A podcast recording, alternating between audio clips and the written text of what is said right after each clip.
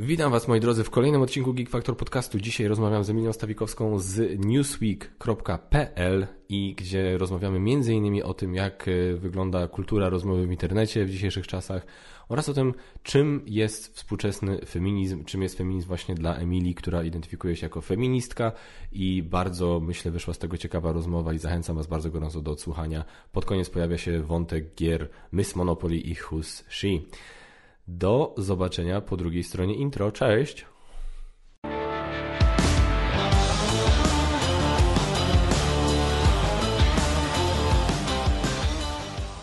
Witajcie moi drodzy, Kaczmar z tej strony Geek Factor Podcast. Y, witam Was w bardzo wyjątkowym odcinku, bardzo wyjątkowym, ponieważ moim gościem jest wyjątkowa osoba, Emilia Stawikowska. Cześć. Cześć, dziękuję za zaproszenie, witam. Bardzo się cieszę, że wpadłaś, bardzo się cieszę, że zaproszenie przyjęłaś. E, zaproszenie przyjęłaś, o ile dobrze pamiętam, jakoś grudzień, styczeń? Tak, y, to był grudzień, umawialiśmy się bardzo długo, pół roku nam zeszło, zanim tutaj przyjechałam tak. do Ciebie. E, w większości obwiniam Ciebie, oczywiście. Mnie? Tak, bo jesteś, nie jesteś już taka do końca lokalna, w sensie już nie jesteś w sumie... Jak często bywasz w Trójmieście? Wiesz co, teraz e, odkąd zaczęła się epidemia, to jestem e, znaczy, no tak, cały okay. czas jestem, tak mi się złożyło zupełnie niespodziewanie, e, że przyjechałam do Gdańska i tak w nim zostałam.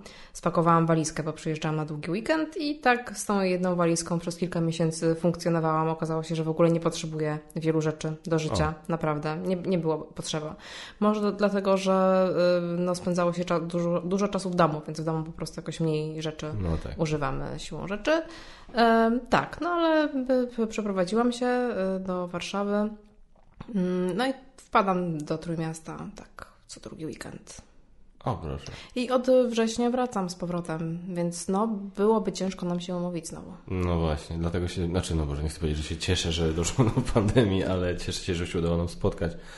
Natomiast e, od września wracasz, no właśnie pytanie, czy od września uda Ci się wrócić, bo jesteśmy, słuchajcie, nagrywamy to 30 lipca, dzisiaj, dzisiaj akurat zanotowaliśmy rekordową liczbę nowych zachorowań, 613. Ja już jestem w tym momencie prawie pewny, ja już jestem w tym momencie załamany tym, że prawdopodobnie znowu będziemy musieli y, uczyć dzieci zdalnie. I ja się zastanawiam, czy jeżeli to się utrzyma ten trend, a jeszcze wiesz, dodam, dołączmy do tego fakt, że wiesz, że wrócą zimne miesiące, więc odporność ludzi spadnie i tak dalej, i tak dalej. Ja się zastanawiam, czy znowu nie wrócimy do tej kwarantanny, która była wcześniej, nie? E, tak, no takie jest ryzyko. Zresztą też przecież mówiono, że te lockdowny będą się zdarzać cyklicznie, no bo taka jest epidemia do czasu, kiedy nie mamy szczepionki i musimy się z tym pogodzić. Chociaż też rządzący zapowiadali, że nie ma takiej opcji, że nie możemy sobie pozwolić na kolejny lockdown, prawda? Więc e, nie wiemy, czego się spodziewać. No. Ja byłam kilka dni temu nad morzem, w zasadzie cały czas jesteśmy nad morzem, ale, ale nie zawsze z tego morza można korzystać tak sobie no. swobodnie to nie jest tak, że cały czas leżymy na plaży, mimo że takie stereotypy są, że jak się mieszka nad morzem, to się chodzi e, nie. codziennie na plaży. Ja i... wręcz nie lubię. A no widzisz, to dobre miejsce sobie wybrałeś do życia. Świetne. Super. e, tak, ale obserwowałam to, co się dzieje na przykład na Mierzei Wiślanej. To jest e, absolutnie żadnej epidemii nie ma. E, przynajmniej wnioskując po zachowaniu ludzi, e, po tym jakie są tłumy, jak bardzo w ogóle reżim sanitarny absolutnie nie istnieje. Wiesz, jeden kluczyk do kibla gdzieś tam w smażalni ryb, przekazywany z ręki do ręki, a ludzie naprawdę tych rąk nie, mylą, nie myją. Nie. E, więc jestem ciekawa, jak to się wszystko rozwinie. Znaczy wiesz, ja nie muszę jechać na plażę, nie? To wystarczy mi jedna wizyta w Galerii Bałtyckiej, nie? I po prostu wow, okej. Okay. Jest troszkę maseczek, ale znowu, ja, ja się śmiałem troszkę na początku tej pandemii, tak pamiętam, jak, chodziłem, jak się chodziło do tych sklepów, gdzie jeszcze można było korzystać, już, był, już była kwarantanna jakaś tam zarządzona, ale jeszcze można było chodzić tak normalnie, w miarę korzystać ze sklepów typu Lidl. I ja pamiętam, że ja stałem w tej kolejce i był ten obowiązek, żeby ci ludzie stali tam te dwa metry od siebie i ja pamiętam, wow, Jakie to jest zajebiste, że nikt mi tak, nie dyszy na nikt plecy. ci nie dyszy, nikt na ja, ciebie nie wchodzi. super, jak ja, mówię, jak ja bym chciał, żeby to zostało. Żeby było, to jest, jest, jest parę takich rzeczy, które ja bym chciał, żeby po tej pandemii zostały. Właśnie obowiązek trzymania się dwa metry z dala ode mnie. Już to nie istnieje. Już, ale już to nie istnieje, dokładnie. E, I, dezynf- I te środki do dezynfekcji w miejscach publicznych. Tak, to też jest to fajne. Jest... I w ogóle to, że ludzie myją ręce, przynajmniej ja tak mam taką nadzieję, że myją. Tak. Więc to jest, to jest, mówię, jest parę takich rzeczy, które bym chciał, żeby zostały. Ale generalnie jestem załamany, że kina ciągle nie działają. Znaczy nie, teraz już kina działają u nas tylko strasznie długo będę czekał na wszystkie premiery, na które bardzo czekałem. Teraz Tenet w końcu padła data premiery Jest szansa, że u nas wyjdzie w ogóle tydzień przed oficjalną premierą w Stanach. E, koniec sierpnia jakoś. Mam nadzieję, że nic się nie popsuje do tej pory, bo jeżeli w Stanach znowu e, nie zapanują nad tym szczytem, który oni mają tam teraz, to podejrzewam, że znowu mogą właśnie wszystkie te filmy poprzesuwać i wtedy jak, to wiadomo się rzeczy, jak tam nie będzie premiery, to u nas nie będzie premiery. I, a bardzo bym nie chciał, żeby film Tenet spotkało to, co spotkało Greyhound z Tomem Hanksem, czyli że po prostu pójdzie gdzieś na streaming, bo tego bym, nie, ja muszę nowego Nolana zobaczyć na dużym ekranie. Nie wiem, czy ty w ogóle oglądasz e, dużo filmów, czy... Y, brakuje mi czasu, żeby, żeby śledzić e, filmy i też przerzuciłam się na seriale, przyznaję. Seriale stały się, odkąd stały się bardzo popularne i mhm. można obejrzeć po prostu bardzo fajne produkcje serialowe, to przyznaję, że mm, w ogóle to jest też taki problem naszych dzisiejszych czasów, że mamy problem z takim skupieniem się przez dłuższy czas. I serial jest dla mnie super formą, ponieważ odcinek trwa ile? Pół godziny, no 45 minut, mo może godzinę. E, ale to jest taka forma zamknięta, potem do niej wracam i są kolejne odcinki, wiadomo. Z filmem trzeba się już zaangażować, trzeba wydzielić sobie czas, trzeba się rozsiąść, kocykiem się przykryć. Mm, więc zauważyłam tak, że taki, taki, taka, takie fast foodowe połykanie e, kultury u mnie nastąpiło i z niekorzyścią właśnie dla kinematografii. Ojej, ale to wiesz, to chyba oglądamy inne seriale, e, bo ja oglądam teraz ze żoną Dark mm. na Netflixie. A, oglądałam. Tak, i to, no, to musisz powiedzieć, że to nie do końca jest serial, który możesz sobie tak odpalić i potem za jakiś czas kolejny odcinek. To jest, tam się tak łatwo idzie pogubić że tak. my to siedzimy, musimy obejrzeć tak z trzy odcinki pod rząd. Ja siedzę z telefonem w ręce że, i mam, odpalone stronę, mam odpaloną stronę serialu na IMDB, żeby móc sprawdzać, a dobra, to to jest ta postać. Dobra, jak pada jakieś imię, nazwisko, o kim oni mówią? A dobra, o tej postaci, nie? No to to jest po prostu głowa boli. Więc yy, tak, jest dużo seriali, ostatnio oglądałem sobie Space Force, który jest takim właśnie do kotleta trochę. Ale jednak jest parę seriali, które naprawdę są zajebiście wymagające, powiedział. Pewnie, zgadzam się z Tobą całkowicie i one faktycznie wciągają. E, ale wiesz, no, nie masz e, aż tyle czasu w ciągu swojego tygodnia, żeby obejrzeć i super serial, i super film, e, plus jeszcze poczytać super książkę i, i, i porobić coś fajnego na zewnątrz. Tak, i pograć w grę planszową. I, i pograć w planszówkę. O mój Boże. A właśnie, e, bo tak w sumie zaczęliśmy tak trochę z bomby, a ja bym chciał, żeby widzowie w ogóle wiedzieli skąd my się znamy i w ogóle kim ty jesteś. w sensie e, takim, że Emilia jest e, dziennikarką w Newsweek Polska. Tak, tak. E, w newsweek.pl piszę artykuły w dziale dla subskrybentów. To jest taki dział Jestem gdzie trzeba tak, gdzie trzeba zapłacić, żeby przeczytać artykuł, więc tak, więc tam zapraszam, tam piszę. No i e, wcześniej pisałaś dla... Dla Gazety Wyborczej Trójmiasta. Dokładnie, tam się zresztą właśnie poznaliśmy. Ja pracowałem w dziale e, handlowym, czyli wciskałem klientom reklamy na, w Gazecie Wyborczej w wersji papierowej i na online. A ty pisałeś artykuły. Czy było, był jakiś taki jeden konkretny dział, do którego pisałeś więcej? Czy nie wiem, na Monciaku na przykład PL, czy Na Monciaku to było, tak, to było na samym początku i to był taki projekt, od którego e, zaczynałam od stażu. Mm, potem on się przekształcił w taki, w taki już regularne pis pisanie co tydzień, e, do co jest grane do dodatku, do Gazety Wyborczej i do magazynu, do tygodnika, e, o nowych miejscach fajnych do odwiedzenia, e, knajpach. Chociaż ja zawsze starałam się, żeby to nie były teksty o knajpach, bardziej to były teksty o ludziach, którzy je tworzą, o Zajawkowiczach. I, i, I tak, no i takie rzeczy pisałam faktycznie, ale tak jak już z biegiem czasu to, to, to zajmowało coraz mniej mm, mojej uwagi. E, i, i w końcu już do takiego działu miejskiego dołączyłam regularnego, więc pisałam o tym, co się dzieje w mieście, o tym, co się dzieje w społeczeństwie. Okej, okay, a czemu, znaczy oczywiście na ile możesz powiedzieć, na ile chcesz powiedzieć, ale czemu decyzja o przejściu do Newsweeka, czy po prostu trafiła się szansa i zaczęłaś za, przeciw i stwierdziłaś, a czemu nie, czy... A wiesz co, bo ja bardzo lubię zmiany w ogóle. Aha. Bardzo lubię zmiany. Ja jeszcze w międzyczasie miałam pracę też bardzo fajną, zresztą zawsze mam fajną pracę. W ogóle szczęście mam i do pracy, i do ludzi, których spotykam w pracy. Pracowałam w samorządzie województwa. E, zajmowałam o, się tam, tak, zajmowałam się tam, e, pracowałam w biurze prasowym. E, zdziwiłam Cię teraz. Nie, nie, w sensie tak totalnie jakoś mam wrażenie, przyszłość tak... Znaczy tak jak, mówię, myśmy stracili trochę kontakt, jak ja odszedłem z gazety, I potem to już była taka typowa znajomość facebookowa, że widziałem czasami co wrzucasz i jakoś nie, totalnie musiałem ten etap po prostu przeoczyć. Dla mnie to wyglądało tak, jakbyś gładko przyszła prosto z gazety do Newsweeka. A to tak nie było do końca tak bezpośrednio, przepraszam sobie prawie słuchawki. E, nie było tak bezpośrednio, e, miałam takie trzy etapy zawodowe. Ja zawsze lubię zmiany i uważam, że każdy z nas powinien zmieniać rzeczy, bo jak jesteśmy w jednym miejscu, to trochę zaczynamy być leniwi i przestajemy się rozwijać, przestajemy być tacy wyczuleni, mm, zaczynamy być w jakimś miejscu, a niekoniecznie wiemy też, dlaczego tam jesteśmy. Więc ja też uważam, że, że jesteśmy na takim etapie rozwoju zawodowego, jesteśmy w podobnym wieku pewnie. E, Dziękuję, że, bardzo Chociaż bardzo nie, ale że te, że te zmiany są zawsze fajne, zawsze są na plus. Tak uważam. Ja, ja przynajmniej te moje zmiany tak odbieram. Zawsze się czegoś nowego uczę. I, i trudno mi byłoby mi sobie wyobrazić, że, że którejś z tych decyzji zawodowych mogłabym nie podjąć i byłabym pozbawiona, e, byłabym pozbawiona szansy. Tak myślę. Okej, okay, czyli nie masz na przykład takiego poczucia, że okej, okay, teraz, bo, bo, bo widzę się rzeczy, o jakich właśnie rzeczach piszesz e, teraz w Newsweeku, E, i jakby to są tematy głównie społeczne, polityczne. Nie, nie masz takiego poczucia na przykład, że tak, te, że teraz po prostu teraz piszę o prawdziwych rzeczach, teraz piszę to, o czym mnie naprawdę jara, bo to by pewnie też troszkę w jakiś tam sposób może deprecjonowało to, co robiłaś w gazecie. Więc nie masz takiego poczucia, że teraz piszesz ciekawsze rzeczy, tylko bardziej chodzi właśnie o nowe rzeczy, że to jest bardziej nauka i, i rozwój, tak? Yy, tak, tak. Y, wiesz, no pewnie, że w ogóle no, dzisiaj tak trudno też, y, trudno się specjalizować w jednej rzeczy, e, ponieważ wszystko jest takie super płynne, wiesz, no dziennikarstwo też nie jest już takie ściśle wyspecjalizowane.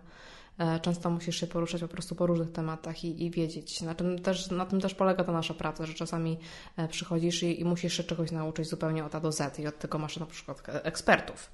E, robisz research, dzwonisz, wypytujesz, wiesz, zanim zaczniesz coś pisać, już musisz coś wiedzieć.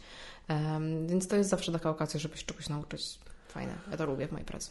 Okej, okay, to kumam, ale jeśli mam być szczery, to ja, ja widzę też tutaj pewne niebezpieczeństwo, mm. bo ja na przykład, y, ja jestem taki, że ja doceniam e, jakby, jak widzę, że ja, ja, lubię czuć na przykład, że jak czytam czyjś artykuł albo słucham kogoś, że ja wiem, że ten ktoś na bank wie o czym mówi, że to jest właśnie, to jest, że ten ktoś się zna na tej, w tej dziedzinie, ma tam ileś lat przepracowanych, ma jakąś tam, jakieś tam studia za sobą, że ma coś, czym może powiedzieć, dla, masz tu, proszę od A do Z, dlaczego ja jestem dobrą osobą, żeby się mnie posłuchać w tej kwestii.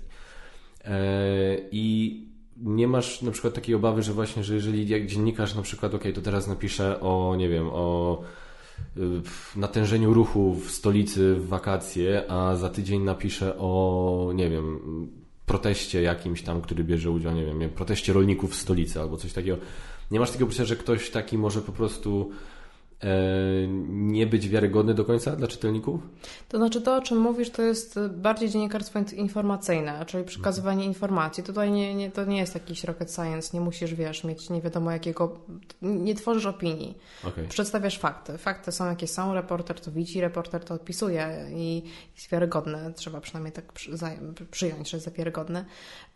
Ale oczywiście no, takie dziennikarstwo specjalistyczne, czy wiesz, no, no są różne tytuły, tak? I dziennikarze pracują w różnych różnych tytułach. Masz na przykład Dziennik Gazetę Prawną, czy masz Rzeczpospolitą. Każdy medium ma zupełnie inny charakter e, i, mm, i też innych dziennikarzy zatrudnia po prostu, wiesz. To nie jest tak, że sobie e, ludzie mogą przechodzić między tytułami. To absolutnie nie. Okej, okay, a...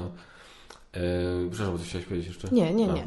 A, nie, po prostu, bo myślę, wiesz, bo, bo też na przykład, znaczy to, co mi się spodobało w Twoich artykułach, które tam miałem okazję przejrzeć. Niestety nie miałem okazji przeczytać wszystkich, próbowałem, nie udało się. O, smutno mi. E, spodobało mi się to, że y, jakby faktycznie miałem wrażenie, i tak akurat moim to jest moim zdaniem na plus, że ty, ty jakby tam starałaś się jak najmniej mówić od siebie. W sensie to nie jest tak, że o, czytam artykuł, artykuł Emilii Stawikowskiej i kończę ten artykuł i stwierdzam, aha, więc to jest to, co Emilia Stawikowska sądzi na temat X. Nie, natomiast y, miałem poczucie, że ty po prostu właśnie starałaś się przytoczyć jak najtrafniejsze wypowiedzi, jak najwłaściwszych osób. Tak, takie miałem wrażenie, może tam się nie zawsze zgadzałem ze wszystkim, co ludzie tam mówili, patrząc z moich różnych doświadczeń. E, ale dałem mi takie poczucie, nie? że to nie było tak bardziej, że to nie chodziło o tobie o twój punkt widzenia, tylko właśnie punkt widzenia tych y, specjalistów, nie wiem, czy to... No tak, bo to chodzi, wiesz, no jeżeli chcesz sforsować swój punkt widzenia, to piszesz falietony albo opinię. I takie rzeczy też się pisze, oczywiście, tylko że to musi być, wiesz, oznaczone, musi być napisane, że to jest Twoja opinia. Chociaż oczywiście każdy, każdy, mm, każdy tekst czy, czy materiał w ogóle jest w jakiś sposób subiektywny. Nie do końca też wierzę, że, że dziennikarstwo, mówi się, że dziennikarz powinien być obiektywny. To w ogóle jest, wiesz, to jest mm, zupełnie mm, jakby niezgodne z rzeczywistością. E, bo każdy z nas ma jakieś poglądy i nawet jak dobierasz sobie, wiesz, czy rozmówców, czy dobierasz sobie e, fragment mm, z, z, obserwacji bohatera, którego gdzieś tam widziałeś i opisujesz, to wszystko jest bardzo subiektywne, bo to ty wybierasz i to przez swój pryzmat doświadczeń, swojego sposobu patrzenia na świat e, konstruujesz ten tekst. No ja tak mam faktycznie, że staram się, staram się robić to... Mm, no tak według sztuki takiej e, dziennikarskiej, która polega na tym, żeby przedstawiać różne, różne stanowiska. Mm, no, nie wiem, co mhm. jeszcze Ci mogę tutaj e, powiedzieć. Znaczy nie, nie, to, to, to, to właśnie jest, e, to jest dobre, bo jestem, jestem właśnie ciekawy tylko jeszcze, czy, bo dużo osób właśnie tak w tym, w dzisiejszych czasach właśnie krytykuje media, krytykuje dziennikarzy, ja pamiętam, że jak ja pracowałem w wybor, znaczy jak pracowałem i jakiś czas po tym jak pracowałem, jak gdzieś tam się wdawałem w jakieś pyskówki na, w internecie, bo mi się nudziło i wchodziłem na jakieś prawicowe portale i z jednej strony można by to nazwać trollingiem, z drugiej strony no chciałem serio usłyszeć jakieś ciekawe argumenty z ich strony i podać jakieś argumenty z mojej strony, żebyśmy tam w jakimś tam temacie spróbowali porozmawiać. Parę razy się udało, parę razy się gdzieś tam jakiś dialog faktycznie nawiązał, a nie po prostu krzyczenie na siebie. E, no to tam właśnie zawsze padały jakieś tam zarzuty, że Agora, że, że, że lewackie tam po prostu antypolskie, że Newsweek to po prostu niemieckie, nie, niemieckie media i po prostu Niemcy i w ogóle, że prawdopodobnie Merkel mówi e, Lisowi, a Lis dzwoni do ciebie i mówi, mówią tak, ci, co masz, typowo, co masz pisać. ja już się przyzwyczaiłam, zawsze jakoś pracuję w takich mediach. Dokładnie. E, ja pamiętam, że ja właśnie mówiłem, no i swoją drogą, jak to mówiłem, to od razu podważałem swoją wiarygodność i dyskusja się kończyła, bo ja mówiłem, że no słuchajcie, nie, no ja pracowałem w Agorze i wiem jak tam jest. I okej, okay, faktycznie. I tam też się niespecjalnie z tym kryją, że oni mają jakieś tam swoje poglądy, w sensie mają, stoją po jakiejś tam stronie tego wszystkiego, ale dziennikarze, których ja poznałem, to naprawdę w większości to byli bardzo fajni, inteligentni, ciekawi ludzie, którzy no, po prostu rzetelnie chcieli pokazać, co są, co, znaczy inaczej, co się dzieje, chcieli, jeżeli wyrażali swoje opinie, to też nie robili tego z czapy, tylko starali się to czymś podważyć. No i nie widziałem tam żadnej po prostu jakiejś takiej, nie wiem, zahipnotyzowanej lewackiej mentalności po prostu, która wie, gdzieś tam panowała nad tym wszystkim. Więc, e, więc dlatego właśnie cieszę się, że właśnie o tym trochę mówi, że to jest tak, że no, no tak, no dziennikarz zawsze ma tam jakiś swój punkt widzenia, no bo jest człowiekiem i tak dalej, tylko właśnie kwestia jak to wszystko ubierze i tak dalej. Nie? I właśnie Ciebie właśnie wspominałem jako jedno z takich osób, która no, no, nie jest tak, że właśnie jest skażona po prostu, że wiesz, Michnik właśnie mówi, co masz napisać, to piszesz super i zajebiście. I w ogóle pięknie. Czyli rozumiem, że nie miałeś styczności z Tomaszem Lisem i który ci nie mówił, że pamiętaj tylko, że o tych osobach piszemy dobrze, o tym źle. Nie, no to wiesz, to my, znaczy dla mnie to jest oczywiste, że nikt tak nie mówi. E, może dlatego, że wiesz, no, pracuję w tych mediach i, i nikt nigdy tak nie mówi.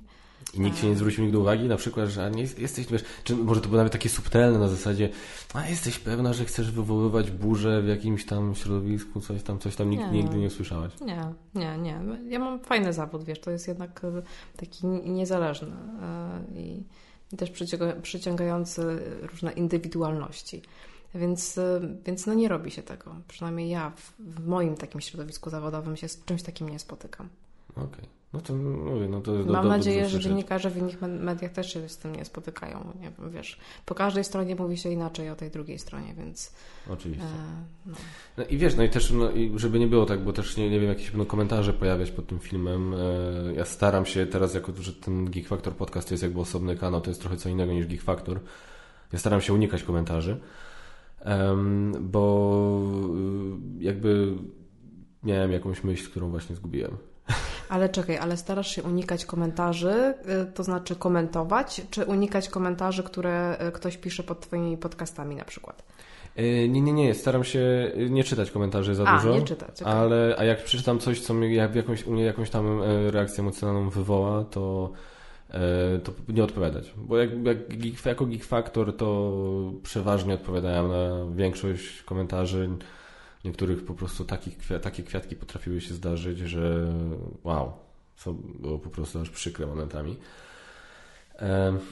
Ostatnio, ostatnio, ostatnio odpowiedziałem komuś i to jest tak, że e, ja teraz robię jako Geek Factor realizuję takie wideo instrukcje do gier dla wydawnictwa Lucrum Games i oni tam e, i na przykład taki, znaczy to jest wideo instrukcja teraz ostatnio połączona z gameplayem i ja ten gameplay wrzucam do siebie na kanał w ramach takiej serii Geek Factor Kids, bo to są gry rodzinne i ja z moją córką najczęściej sobie gramy w jakąś grę, przy okazji tłumaczymy jak działa. I taki filmik jest u mnie jako Geek Factor Kids, a wydawnictwo Lucrum też rzuca go na swój kanał na YouTube, nie? I właśnie wszedłem, bo byłem ciekawy, jak ten filmik sobie radzi, jak tam ostatni filmik, który wrzuciliśmy z Zosią sobie radzi e, na ich kanale. I wchodzę i widzę, jest tylko jeden mało wyświetleń. U mnie jest tam kilkaset wyświetleń, więc całkiem nie najgorzej jak na takie gry i tak dalej. Ale wchodzę tak do, na ich kanał, tam mam kilkadziesiąt wyświetleń i jest jeden komentarz. Jaki? Komentarz brzmiał e, Straszna maruda z tej dziewczyny zepsuła cały film. No piękny, ale słuchaj, no, y, no nie jest aż taki zły ten komentarz. Mo, mo, zdarzają się gorsze. Może ja na to inaczej patrzę, bo rzecz się tyczyła mojej córki, więc ja pamiętam, że ja na to, ja to, ja na to odpisałem krótko. Uważam, że bardzo kulturalnie odpisałem. Napisałem jako Geek Factor, żeby nie było, że jakoś tam anonimowo. Napisałem, zadałem pytanie, bo to jest też dobra rzecz zawsze. Jak dysku... Zadawaj pytania. Nie, nie, nie, nie, mniej twierdzeń, więcej pytań. E, to jest, zadałem pytania, Często piszesz przykre rzeczy pod adresem dzieci w internecie? Nie Do, dostałem. Dobre odpowiedzi. pytanie, dobre pytanie. No tak wiesz. Może, ale wiesz, może trafiło do sumienia. Komentujący w internecie mają dużo sumienia, myślisz? E, nie wiem, czasami się zastanawiam, czy to są naprawdę ludzie, czym się zajmują i dlaczego piszą takie rzeczy. dokładnie, dokładnie o tym chcieliśmy pogadać, prawda? Że żyjemy w takich czasach, gdzie po prostu coś się wydarzyło ze sposobem, w jaki dyskutujemy. Tak. I trudno to tak naprawdę prześledzić, gdzie się co zaczęło, kto zawinił, kto nie, e, wiesz, ale zwłaszcza ostatnio. Myśmy, ja już o tym chciałem, pamiętasz, rozmawiać, jak jeszcze w styczniu sobie gadaliśmy i tak dalej, ale e, mam wrażenie, że ostatnio to już w ogóle przy tych ostatnich wyborach i, i przy okazji wszystkiego, co się dzieje w Stanach teraz i różne inne akcje, ja mam po prostu, patrzę na to mówię, ja pierdzielę, ludzie się zarąbiście nie lubią. Nie strasznie, wręcz. Strasznie, nie. No w ogóle jest y, taka polaryzacja, to jest takie słowo popularne ostatnio. Aż mam mdłości, jakie po raz kolejny słyszę. Ale naprawdę, no już tak się nie znosimy i tak się, tak się kłócimy wszyscy ze sobą. W ogóle ta nasza kampania wyborcza, prezydencka, poprzednia, to była tak okropna i, i już y, wydaje się, że już bardziej chyba podzieleni być nie możemy. E, zresztą to też no. wyniki wyborów pokazało, że w zasadzie, no kurczę, naprawdę albo jesteś z tej strony, albo z tej. No, w zasadzie każdy już prawie ma opinię e, skrajną. E, więc no w ogóle jakoś się pogubiliśmy się moim zdaniem. Nie potrafimy rozmawiać i jakoś nie widzę, nie widzę wyjścia z tej sytuacji. Bo wiesz, nikt nas nie uczy rozmawiać. Nie wiem, na przykład w szkole nie uczymy się rozmawiać, dzieci nie są uczone przedstawiania swoich opinii. Więc ja się czasami zastanawiam, skąd w ogóle bierze się taka nienawiść, taka frustracja w tych komentarzach w internecie. Ja na przykład lubię czytać te komentarze, takie mam, taka przyjemność dziwna, e, że czytam te komentarze, myślę sobie, Boże, w ogóle co się wydarzyło w życiu tego człowieka, że on pisze takie rzeczy, że on w ogóle jemu się chce pisać takie tam po prostu zdania, kogoś obrażając. Hmm. I może chodzi o to, że w szkole, w domu słyszymy, o nie kłóć się, a w ogóle nie dyskutuj, masz być posłuszny, bo dostaniesz pałę i w ogóle. I potem ludzie nie potrafią ze sobą normalnie rozmawiać. I, i wiesz, no oczywiście nie powiesz tego wszystkiego człowiekowi na ulicy czy przy piwie, bo trochę głupio się z kimś pokłócić konstruktywnie, z, z realną osobą, ale w internecie możesz napisać po prostu, wiesz, wyleć szambo i, i upu upuścić chyba te swoje emocje, frustracje. Ja tak to odbieram że to wynika z takich, e, z, nieumiejętności rozmawiania, w ogóle z nieumiejętności e, mm, wyrażania swoich poglądów, swoich myśli, e, z, takiej, z takiego zamknięcia na drugiego człowieka. Nie wiem, jak ty uważasz. To znaczy, dla mnie kwestia jest, jak zawsze gdzieś tam to leży w kilku miejscach, można się dopatrywać pewnie źródeł tego wszystkiego. Dla mnie to jest też takie trochę paradoksalne, bo z jednej strony tak, zgodzę się z tym, co mówisz absolutnie, że ludzie jakby nie potrafią ze sobą rozmawiać, ale jest coś takiego też z drugiej strony, że jakby od, dopiero od niedawna mam wrażenie, stosunkowo niedawna, yy, faktycznie zwraca się uwagę w ogóle na rozmawianie, w sensie do niedawna powiedzmy, mówię tutaj bardziej pod kątem psychologii, tak, i tego jak się teraz w ogóle podchodzi do terapii, wiesz, o, mówię o psychiatrii i tak dalej, o tym wszystkim, że do niedawna jeszcze, mam wrażenie, takie mówię, to jest takie bardzo subiektywne po prostu odczucie tego, y, wiesz, na przykład, nie wiem, no, facet mówiący, że chodzi do terapeuty, wiesz, do psychiatry, no to po prostu byłby, wiesz, krzywo byś na niego spojrzeli, wiesz, albo naj, najpewniej by po prostu nie powiedział. Jeżeli no już tak. w ogóle by sam zdecydował, co też się rzadko zajebiście zdarza, e, żeby pójść, to pewnie nikomu by o tym nie powiedział. Bo chłopaki nie płaczą. Bo chłopaki nie płaczą. I wiesz, i to jest, i to jest jakby, wiesz, to jest to toksyczne męstwo, nie, o którym się ostatnio też swoją drogą sporo mówi.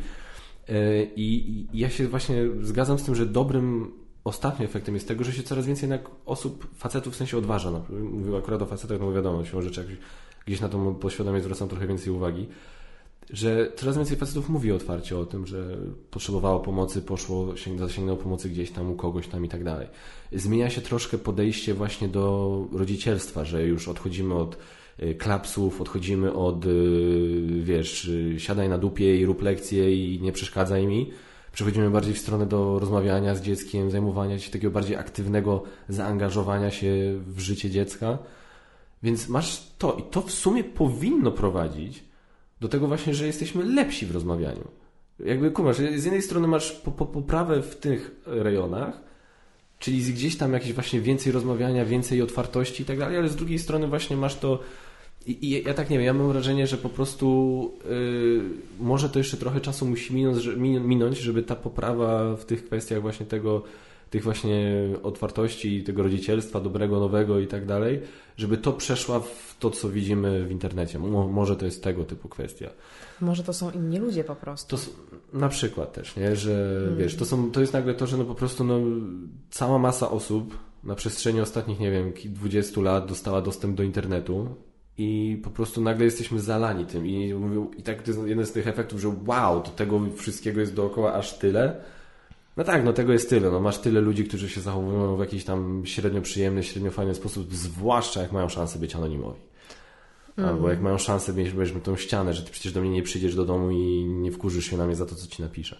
Tak. Więc... Nie, no w ogóle mnie przeraża to, jak się rozmawia, y, bo ludzie w ogóle, pewnie sam byłeś y, uczestnikiem takich sytuacji nieraz, że piszesz coś, a w ogóle ludzie zupełnie, e, wiesz, już po, poświęcisz ten czas, to 15 minut, napiszesz komentarz, starasz się, żeby był merytoryczny, żeby były w nim przecinki i tak dalej, i tak dalej. Tak, już, musi być Już w ogóle rozważasz, do czego się ten, ten twój oponent może przykrzanić, więc już w ogóle, tak. już wybierasz takie argumenty i napiszesz, a potem masz pik-pik, tam powiadomienie, wchodzisz i ktoś się przypierdzieli, w ogóle jakby nie czytał tego komentarza, tylko się w ogóle zupełnie od czapy oskarża cię o coś. Tak.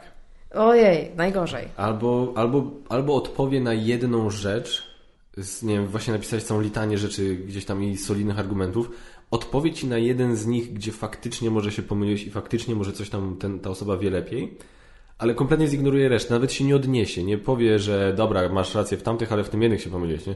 To już byłoby cud, to już by w ogóle byłaby taka ewolucja w ogóle dyskusji w internecie, że daj spokój. Nie, nie. Jest po prostu ten jeden, jedna rzecz, a, a ta cała reszta, o której pisałem, to co? Tak. tak. Ale w ogóle te kłótnie potrafią trwać na, naprawdę w nieskończoność. I wiesz, przewijasz, patrzysz, oni wciąż rozmawiają. Rozmawiali 12 godzin temu, rozmawiają wciąż, co robili w międzyczasie. Czy, czy to jest ich hobby, e, czy byli czy w pracy, czy co jedzą, czy zamówili sobie, wiesz, pizzę na dowóz i, i zrobili sobie tylko przerwę, żeby ją odebrać. Nie wiem, to jest dla mnie zagadka.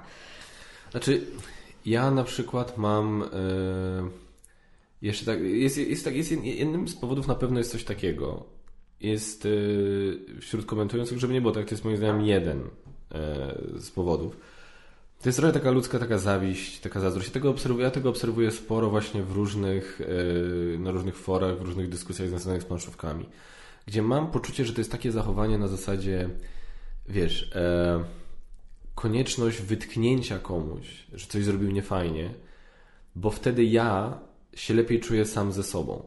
Bo ja, bo moje życie powiedzmy jest bardzo takie waniliowe. Na zasadzie wiesz, hmm. ja mam tam jakąś swoją pracę, zarabiam jakieś tam dobre pieniądze i tak sobie żyję z dnia na dzień. Ale nie mam czegoś takiego na przykład, że wydałem jakąś świetną grę i jestem znany na całym świecie jako autor gier takiej gry planszowej, takiej kultowej gry planszowej.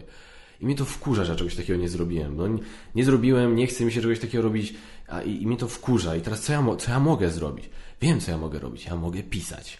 Więc wejdę, usiądę do internetu i napiszę komentarz o tym, jak to wiesz, jak to właśnie ten, ta gra jest na przykład niefajna albo coś tam.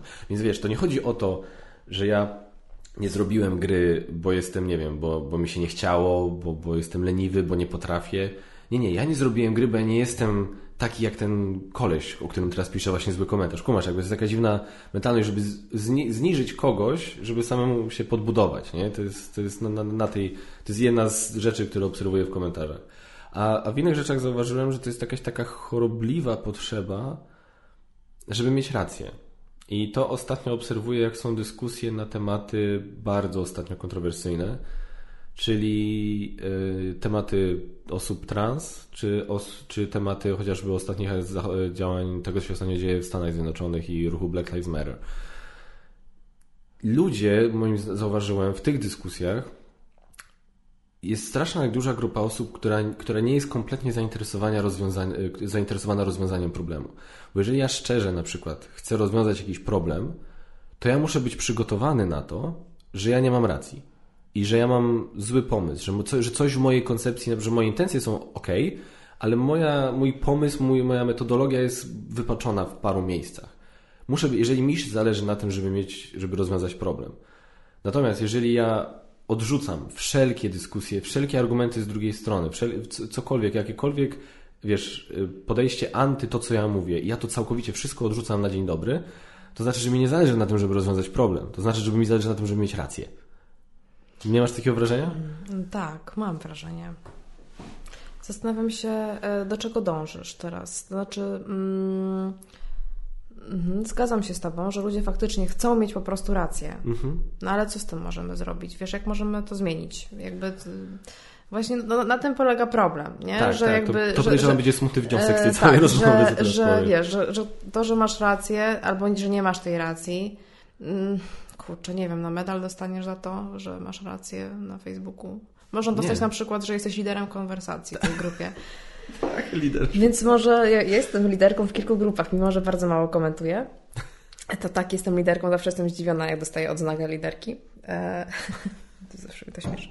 E, tak, ale zgadzam się z Tobą, że wiesz, jeżeli e, jest inny punkt widzenia, no bo my ze sobą nie rozmawiamy, tak? Nie, nie jesteśmy otwarci na dyskusję, tylko piszemy, wiesz, ty piszesz coś, ja piszę coś zupełnie innego, no to nie jest rozmowa, to jest wymiana, nawet nie wiem, czy to jest wymiana poglądów, już tak czysto formalnie. Nie wiem. Bo wymiana poglądów chyba zakłada, że ludzie przyjmują poglądy drugiej osoby i się do tego odnoszą, a często jest tak, że... Nawet... Analizują je, zastanawiają tak. się chociaż na chwilę, nie? Jak ja napiszę Ci cały swój jakiś skomplikowany, znaczy skomplikowany, złożony pogląd na jakiś temat, po czym Ty mi po 30 sekundach odpowiadasz, nie zesraj się, no to chyba nie przeanalizowałeś zbyt dokładnie tego, A w ogóle napisałem. wyobraź sobie taką konwersację na żywo, na żywo, wiesz, w pawie, że ludzie rozmawiają w ten sposób. Nie wiem. Można by zrobić taki. Powinni, ktoś powinien zrobić taki eksperyment społeczny. Faktycznie wejść do jakiegoś pubu, yy, poszukać ludzi, którzy mogą, nie wiem, no nie wiem, wiem, no strasznie powierzchownie to zabrzmi, ale mogą, nie wiem, po, po ubiorze ocenić ludzi po tatuażach, że nie wiem, je, że mogą reprezentować różne stanowiska na jakieś tematy, posadzić ich przed sobą i zmusić ich do porozmawiania na jakiś temat, nie? To byłoby bardzo fajne, podoba mi się, oprócz słowa zmusić. Oni musieliby chcieć. No dobra, może zmotywować. Zmotywować, Nakłonić, okay. jakoś tak. Na Ale co, myślisz, że pieniężnie? Pieniężnie, browarem? Nie wiem. Nie wiem, no to, to trzeba by coś się zastanowić. Może pizzą. Pizza, browar i po prostu pogadajcie. Wiesz, posadzić gościa, który ma, nie wiem, ma tatuaż po prostu Polski walczącej z e, osobą, która ma, nie wiem, włosy pofarbowane na ten czoło. I ogóle, zobaczyć, jaka byłaby rozmowa. W ogóle wpadliśmy na coś fajnego. Tak? Musimy to opatentować. Musimy to, to, jest, to, już jest, to już jest opatentowane, więc wiecie, będziemy pilnować tego pomysłu. Może to by była jakaś szansa, żeby ludzi, wiesz, ludzi pogodzić. To, to byłby zupełnie serio. Ja, znaczy, ja tam, wiesz, ja ci, ja ci to bardzo chętnie oddam. Yy, śmiało, ja bym bardzo chętnie poczytał twój jakiś, jakby to gdzieś się udało przeprowadzić, żebyś ty napisał o tym jakieś właśnie podsumowanie tego, ja bym to z miłą chęcią Yy, przeczytał i stwierdził, a tam do, do, przyłożyłem rękę do, do czegoś takiego. To byłoby... Jestem ciekawa, jakie byłyby wnioski. Czy, czy ludzie faktycznie rozmawiając na żywo, albo w ogóle, wiesz, wziąć takich ludzi, którzy się pokłócili, już się pokłócili w internecie. Wiesz, już ta kłótnia miała miejsce i teraz ich postawić przed sobą, poznać tego człowieka, który, któremu napisałeś, nie zasraj się. Ja pamiętam, że kiedyś yy, byłem na tym, byłem członkiem takiej grupy na Facebooku planszówki na Kickstarterze i tam był taki jeden e, chłopak, e, nie chcę mówić imienia, bo może się nie, nie, nie tego, nie, nie może sobie nie życzyć, ale jeżeli podejrzewam, że z opowieści będzie wiedział o kogo chodzi, więc jeżeli słucha, to pozdrawiam. Też pozdrawiam. e, on, tam, ta dyskus, dyskusje na tej grupie bywały różne i on potrafił mówić rzeczy, które były takie dosyć stanowcze, co jakby samo w sobie oczywiście nie jest problemem, ale w dyskusji z nim potrafiły przybierać taki ton troszkę, że miałeś wrażenie, że gościu chyba, chyba troszkę atakuje na zasadzie takiego Zresztą okay, mi się chyba nie chce za bardzo bawić w tę konkretną dyskusję, bo, bo to już nie jest dla mnie sym, sympatyczna dyskusja dwóch fanów tego samego hobby. Taki prowokator. Tak, troszkę tak. I, i wręcz on taki, i zawsze był taki, wiesz, taki horror, taki, taki, takie sprawia wrażenie, bo to jest też to, nie? Tak, ktoś sprawia, w ogóle, to może też był mój błąd, że w ogóle ktoś może sprawiać wrażenie w komentarzu. No nie może sprawiać wrażenia, bo nie słyszysz tonu głosu, nie widzisz gestykulacji, nie widzisz mimiki, nic nie widzisz. Tylko czytasz, tak? A czytasz, wiadomo, przemielasz, jak czytasz, to przemielasz to wszystko przez siebie. Ale takie w moich odczuciach sprawiało wrażenie. I potem go spotkałem na Essen, e, na tych największych targach e, planszówkowych na świecie, e, w Europie, przepraszam. I facet, wiesz, ja w ogóle nie wiedziałem, że to on, tylko ja się mu przedstawiam, gadamy, spotka, po prostu spotkaliśmy się ja z moim znajomym i on jeszcze z kimś tam, mówię, nie wiedziałem kim on jest, zaczęliśmy rozmawiać po prostu o tym, co kto widział. I tak gadamy, sympatyczna rozmowa. Gościu tu był sympatyczny, wiesz, a ciepły, pozytywny. I coś tam właśnie gadaliśmy i, i wiesz, i, i tak się zaczęliśmy sobie przedstawiać. I on do mnie mówi, a ja wiem, kim ty jesteś. I ten, ja jestem właśnie ten z... Ja mówię, to, to ja to cię, jesteś ty? To on ja mówi, cię zbluzgałem w internecie. Nikt nie zbluzgał, ale sam jak się przedstawił, to powiedział, tak, tak, to ja, to ja jestem zawsze, co te afery kręci na tej grupie na Facebooku. Ja mówię, kuźwa, gościu, jesteś przesympatycznym facetem. W ogóle, żeśmy się, czemu, wiesz, czemu jakąś taką dziwną osobowość przybierasz w tym? Jeszcze się przyznaje do tego, nie? Że na zasadzie, że on wie, że on gdzieś tam tak te afery tam kręci w ogóle i, i o co w tym chodzi, nie? Więc to jest, to jest też takie właśnie, więc mówię, to jest jeden taki przykład, taki anegdotyczny dowód, który, który wiem, że są fatalne, no ale myślę, że nie. Myślę, że ludzie by zupełnie inaczej rozmawiali. No jest, jest, jest w sumie jakiś tam przykład y, tego słyn, takiej słynnej konferencji, gdzie był Robert Biedroń, gdzie przyszło, przyszło jakieś tam kilku osiłków, e, mieli koszulki, zakaz pedałowania i, i wiesz, i Biedroń sobie z nimi selfie zrobił i wszyscy wyszli stamtąd uśmiechnięci, nie? Więc jakby to też było takie na zasadzie no, no, tak szczerze wątpię, żeby ktoś, kto ma taką koszulkę, mógł być przyjaciel, przyjaźnić się na przykład z Robertem Biedroniem. No raczej to jest niemożliwe, ale sam fakt, że wiesz, że można było sytuację, to napięcie rozładować, to, to, już był, to, to już był jakiś sygnał, tak? Że jednak w prawdziwym życiu może by to inaczej wyglądało. Mhm. Nie wiem, no.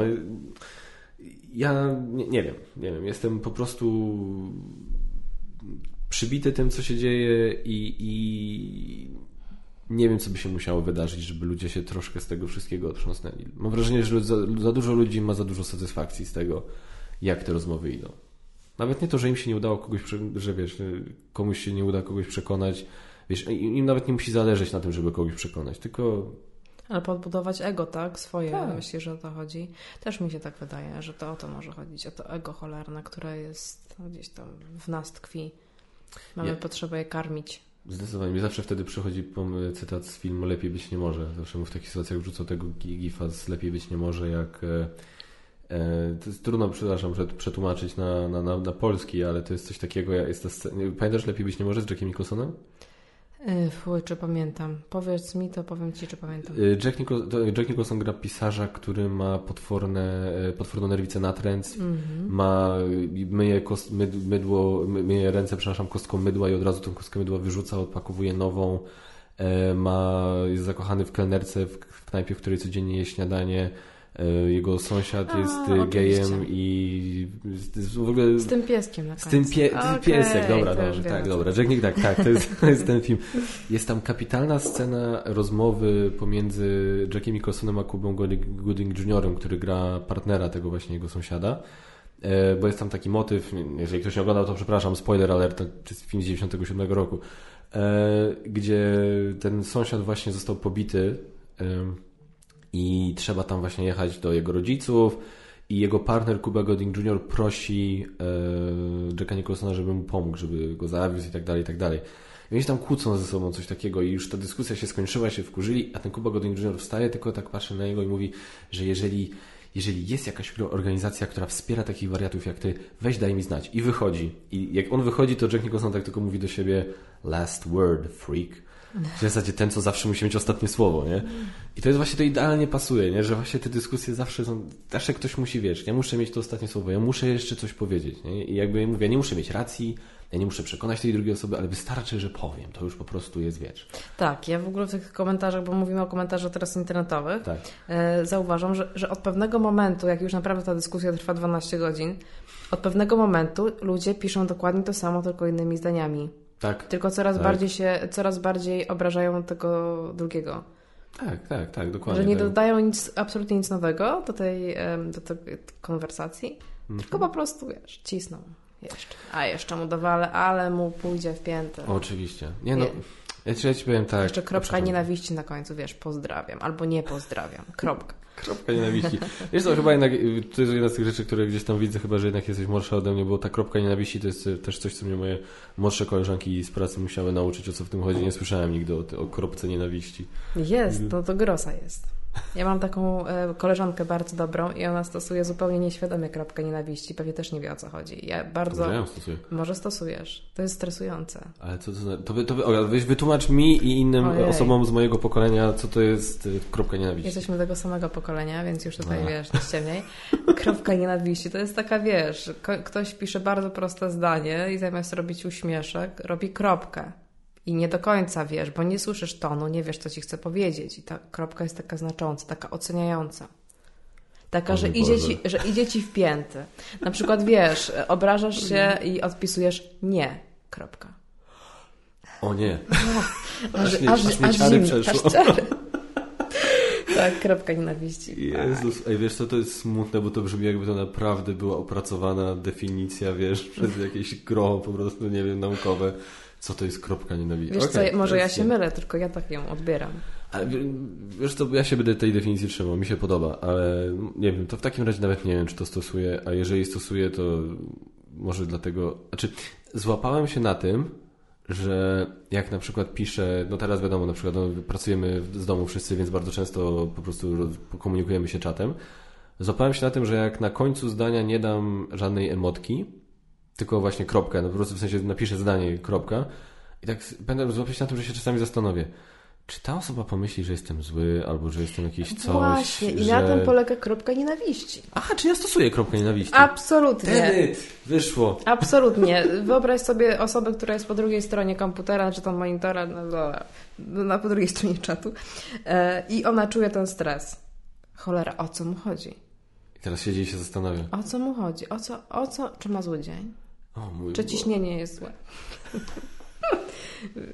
ja z kolei zauważyłam, słuchaj, w drugą stronę, e, że stosuję coś takiego. Używam dużo emotikonek. Znaczy, bez przesady. One nie, nie znajdują się, wiesz, w środku zdania. To jest obszaj nasze rozmowy wszystkie. E, ale stosuję ich y, sporo. E, staram się, czasami kasuję na przykład. Wstawiam tam kropkę. Ale wiesz, na przykład w mailach zauważyłam, że też już zaczynam używać emotikonek. Nie powinno się tego robić, podobno, nie. bo to niepoważne. E... Znaczy, no zależy, za wiadomo, jak ze wszystkim, zależy gdzie i do kogo. Nie? I tak mnie korci, wiesz, na przykład mam całą wiadomość, ona jest ogólnie w takim fajnym tonie, żadnej emotikonki, czy ktoś będzie wiedział, że ja się do niego uśmiecham, jak to piszę. I wiesz, przed, przed końcem, przed tym pożegnaniem, pozdrawiam, można dać uśmieszek. Ja tak czasami robię. Ja znam, znam osoby u mnie w firmie, które mają uśmieszek dodany do normalnie tej podpisówki, tak? do normalnego podpisu Outlookowego. Znaczy, ja tam. Nie wiem, no inaczej, jak to jest mail do jakiejś nowej osoby, zwłaszcza jeszcze wyższej rangą, no to nie, no to tam żadnych emotek nie, nie dorzucam, ale jeżeli, jeżeli nawet jest to ktoś wyższy rangą, ale z kimś już mam jakąś tam relację, no to już tam jeden uśmiech jak umieszczę, to jedno co mnie wkurza, to jest to, że teraz te wszystkie uśmiechy się zamieniają w faktycznie uśmiechnięte mordy. Ja tego nie znoszę. Bo jednak jak, jak jeszcze to był po prostu dwukropek i nawias, to to można było, to, to faktycznie można to było przemycić w jakimś takim mailu, nie? A teraz jak jest to mail, wiesz, służbowy, pisany do kogoś, kto jest twoim przełożonym albo przełożonym twojego przełożonego i nagle się tam pojawia jakaś taka uśmiechnięta morda. Tak, już co poriada się robi. Tym no, bardziej, że te, wiesz, emotikanki są takie już hiper, hiper... Uh... No, no hiper są takie, że no wiesz, są, że, no, no, no, że nie jest to po prostu zwykły uśmiech, nie, sympatyczny, nie. tylko to już jest banan. Więc nie jest łatwo w tym naszym świecie. Nie, nie, nie, ja mówię, ja już się, to, ale to już właśnie jest taki level, gdzie ja już się, ja już zostałem z tyłu, nie? Na zasadzie, dobra, ja się nie muszę w to angażować, ja mam, jest kilka emotek, które mi wystarczą, A wiesz, moja żona dużo różnych emotek czasami używa, ja się czasami zastanawiam gdzieś i bardzo dużo zauważyłem, różne fanpage często używają emotki i ich posty są skonstruowane. To jest ewidentnie, jak na pewno to jest na pewno jakaś szkoła tworzenia postów w social mediach, coś takiego, jest, jest. żeby one były wizualnie atrakcyjne i tak dalej, więc masz jakieś strzałki, jakieś choinki, jakieś coś, no mówię, ja pierdzielę.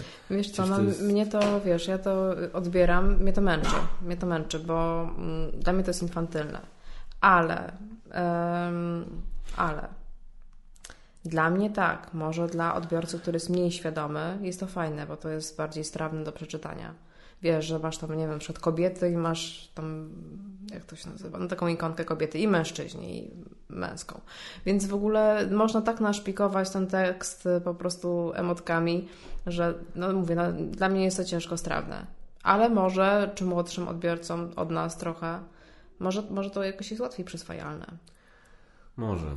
A może to jest właśnie ten, to jest to, że my, nie wiem, z racji tego, czym się zajmujemy, no ty jesteś dziennikarką, ja też, jak, znaczy ja nie jestem dziennikarzem, ale ja siedzę gdzieś tam, jestem gdzieś tam, nazwijmy to, w branży mediów, przez to, że mam te kanały na, na Facebooku, na, na YouTubie, więc siłą rzeczy gdzieś tam też, to jesteśmy może nieco bardziej świadomi, więc dlatego jakby też wiemy, że właśnie ludzie stosują takie zabiegi, ale no większość społeczeństwa, która po prostu korzysta z Facebooka, no, po prostu nie zwraca na to uwagi i się na tym nie zastanawia, tylko widzi, że jest coś kolorowego, więc jest pozytywnie. Więc jest pozytywnie, wiesz, przyciąga uwagę przede wszystkim. Może, może to o to chodzi. No, w, w pewnym momencie to był wyróżnik w ogóle postu, że ktoś, wiesz, ktoś faktycznie tego używa. I też niełatwo się przemóc żeby wiesz, żeby ciężko byłoby mi teraz stworzyć posta, w którym, w którym daję co, co trzecie słowo jakąś emotkę tłumaczącą to, co właśnie napisałam. To wiesz, no to są hieroglify w zasadzie. Moglibyśmy to, to, to, napisać. Współczesne hieroglify, tak. głupie hieroglify, bym to powiedział. No. Nie wiem. No nic. E, jedna rzecz, o której chciałem z Tobą pogadać, bo yy, pamiętam jak jakiś czas temu E, nie, to chyba, to chyba pierwszy raz, jak w ogóle ty i ja coś pogadaliśmy po jakiejś tam dłuższej przerwie. Pamiętam, jak ty pis na Facebooku wrzuciłaś kiedyś, że byłaś zainteresowana jakimś wydarzeniem związanym z Jordanem Petersonem. Pamiętasz, to był jakiś taki wykład, czy jakieś coś, znaczy, że miał być, ktoś miał prowadzić jakiś wykład, którym miało być właśnie mówione o Jordanie Petersonie, jakaś jego coś tam przedstawiane. Nie wiem, czy to pamiętasz w ogóle? Wiesz co, nie, absolutnie tego nie pamiętam. Ale, no, ale wiesz, kim jest Jordan Peterson? Chyba nie wiem. Nie? Nie. Kurde, żeśmy nawet o nim rozmawiali i tak dalej, pamiętam. Nie. Coś było, no nieważne. W każdym razie. The Jordan Peterson to jest psycholog e, amerykański z Kanady, który napisał książkę 12 Rules for Life. E, zasłynął bardzo takim, e, że tak powiem, wypłynął na powierzchnię wśród świadomości ludzi dzięki E, znaczy on był w miarę znany, bo on zaczął publikować swoje wykłady na YouTube i zbierały one dużą oglądalność. On zajmuje się, on ma tam różne specjalizacje, on się zajmuje przede wszystkim takim, jest jakby to powiedzieć tak najogólniej, ale żeby też nie wyrządzić mu krzywdy. To jest, to jest tak zwany dla, tak jak ja na to patrzę, to jest taki dobry coaching. Czyli nie ten taki celebrycki coaching, jak ma Mateusz Grzesiak e, i, i, tak dalej, wiesz, że już każda porażka to cegiełka, na której budujesz, budujesz fundament swojego sukcesu. Tak, nie. a to Ferrari może być twoje. A to Ferrari, dokładnie, nie, nie, nie, nie, nie taki coaching, tylko taki e, prawdziwy coaching, gdzie jakby szczerze starasz się pokazać ludziom, e, co, w jaki, inaczej, nie, nie mówisz ludziom wprost, nie rzucasz im właśnie takich hasełek jako rozwiązania, tylko starasz się jakby ich nakłonić i właśnie zainspirować do takiego myślenia o sobie, żeby sami zrozumieli, jak oni funkcjonują, jakie są ich potrzeby i, i jak mogą właśnie coś ze swoim życiem zrobić, żeby to poprawić. Tam właśnie efektem tego była ta książka 12 Rules for Life. Ale on y, wypłynął dzięki aferze takiej, bo y, w Kanadzie chcieli wprowadzić, nie wiem czy to w końcu wprowadzili czy nie, E, zapis prawny, który zmusza osoby do zwracania się do osoby transseksualnej, czy po prostu do zwracania się do osób po ich tych przyimkach, takich jak oni sobie wymyślą, tak? Czyli jeżeli ja chcę, żebyś do mnie mówił per ona, to po prostu musisz tak do mnie mówić. A Jordan Peterson, i to jest właśnie coś, co bardzo często przekręcali ludzie, czy co ludzie bardzo nie chcieli o tym pisać, to on, on powiedział jasno, jeżeli do mnie ktoś przyjdzie i powie do mnie, panie profesorze, jestem biologicznie, urodziłem się, zakwalifikowano mnie przy narodzinach jako mężczyznę, ale czuję się kobietą, chcę się nazywać teraz Paulina e, i chcę, żeby mówił pan do mnie per ona, to Peterson mówi, zero problemu. Przychodzisz do mnie z taką, to ja nie mam problemu z tym, żeby uszanować twoją prośbę do mnie, tak? On po prostu się sprzeciwił, żeby to było regulowane prawnie, że prawo cię zmusza do tego, bo dla niego to już była ingerencja w wolność słowa. I że to nie była, to nie, jego zdaniem to nie jest tędy droga do w ogóle prowadzenia dialogu na ten temat, tak? No i oczywiście przyczepiono mu łatkę, wiesz, faszysta, skrajny prawicowiec, nienawidzi kobiet, nienawidzi osób trans, bla bla bla bla bla więc, więc to jest w skrócie Jordan Peterson i ciągle ci to nic nie mówi, chyba widzę. Wiesz co, e, przepraszam cię najmocniej, jeżeli cię rozczarowałam. Nie. E, ale wiesz co, no nie. Znaczy, myślę sobie, sięgam gdzieś tam głęboko do moich rezerw, bo czasami jest tak, że, że ja coś łapię, e, przemielam i wyrzucam, bo po prostu bardzo dużo jest też informacji na co dzień, które przyswajamy, więc mój dysk twardy tak działa, że po prostu wyrzuca pewne informacje. Tak, słyszałam o tej aferze konkretnie, ale a kiedy to było? Ojejku, nie powiem Ci teraz roku dokładnie. E, to było parę lat temu. Ale do, nie, niestety, nie powiem Ci dokładnie, kiedy to się wydarzyło. Nasza rozmowa, pamiętam, to było gdzieś mniej więcej w okolicach e, tej naszej rozmowy, że się umawialiśmy na podcast. Pamiętam, że Ci nawet wysłałem zdjęcie, jak kupiłem jego książkę. Kurczę, a ja odpowiedziałam. Tylko że no super. A, że super. Czekaj, znałam tą emotikonkę. Więc pewnie już wtedy właśnie nie wiedziałeś o kim on jest, po co mi, po co mi wysłałeś zdjęcie tej książki. Wiesz co, może, może sobie sprawdziłam, e, ale no rozczaruję Cię, po prostu nie, nie wiesz, kurczę, nie jestem w stanie e, znać wszystkich Okej, okay, to z każdej strony.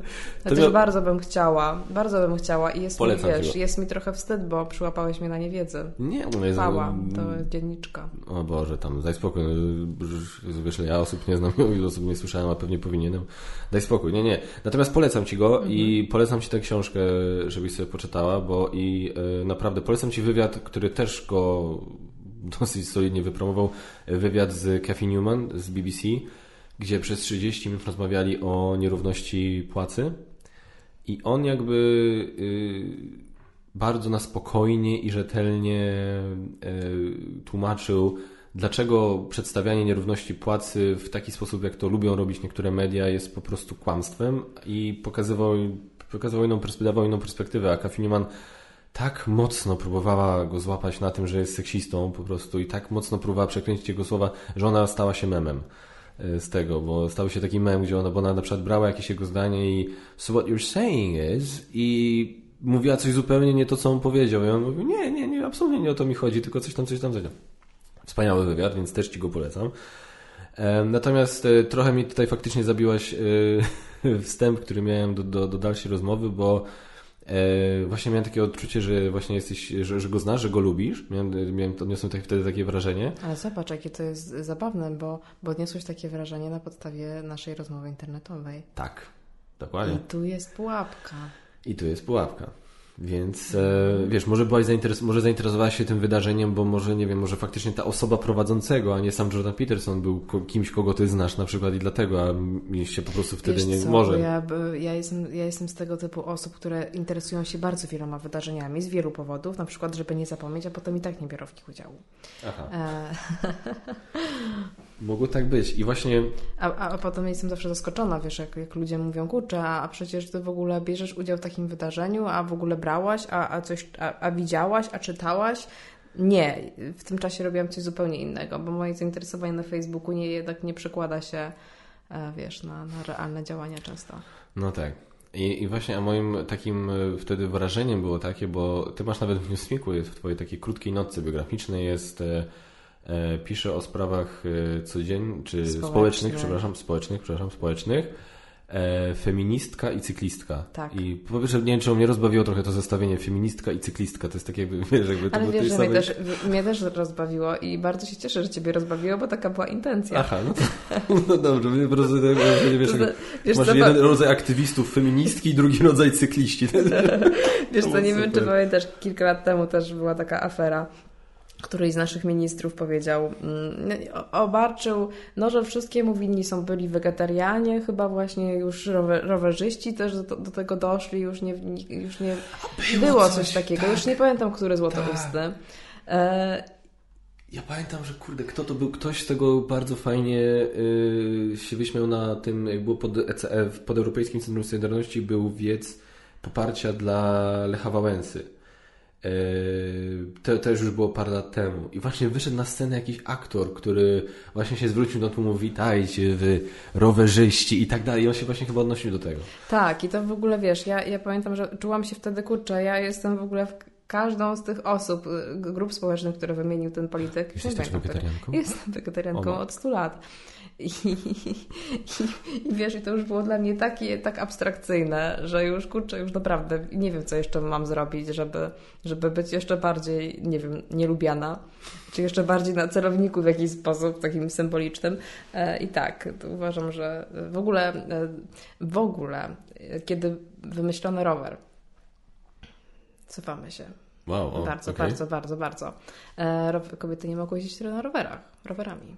Naprawdę? Tak, było, tak, dopiero feministki wywalczyły w XIX wieku, że kobiety mogą jeździć rowerami. E, okay. Czytałam kiedyś taki fajny, przepasny artykuł na ten temat. Już teraz go nie pamiętam, bo to naprawdę było dobrych kilka lat temu. E, zawsze lubiłam jeździć rowerem, ale to jeszcze w ogóle, wiesz, w zestawieniu z tą historią. Otóż kiedyś e, uważano, że jeżdżenie rowerem przynosi ekstazę kobieta siedząca na siodełku, wiadomo, same już się... O mój Boże. E, tak, dokładnie, ale kiedyś naprawdę 100 lat temu e, ko kobiety nie mogły jeździć rowerami. E, plus to, że nie, plus to, że jeżdżąc rowerami były bardziej mobilne. Wiesz, mogły sobie pojechać gdzieś na targ do koleżanki, nie siedziały w domu. Opuściły kuchnię. Opuściły kuchnię. E, więc rower przyczynił się do rozwoju emancypacji kobiet. Stąd też e, takie zestawienie, wow. że feministka i cyklistka.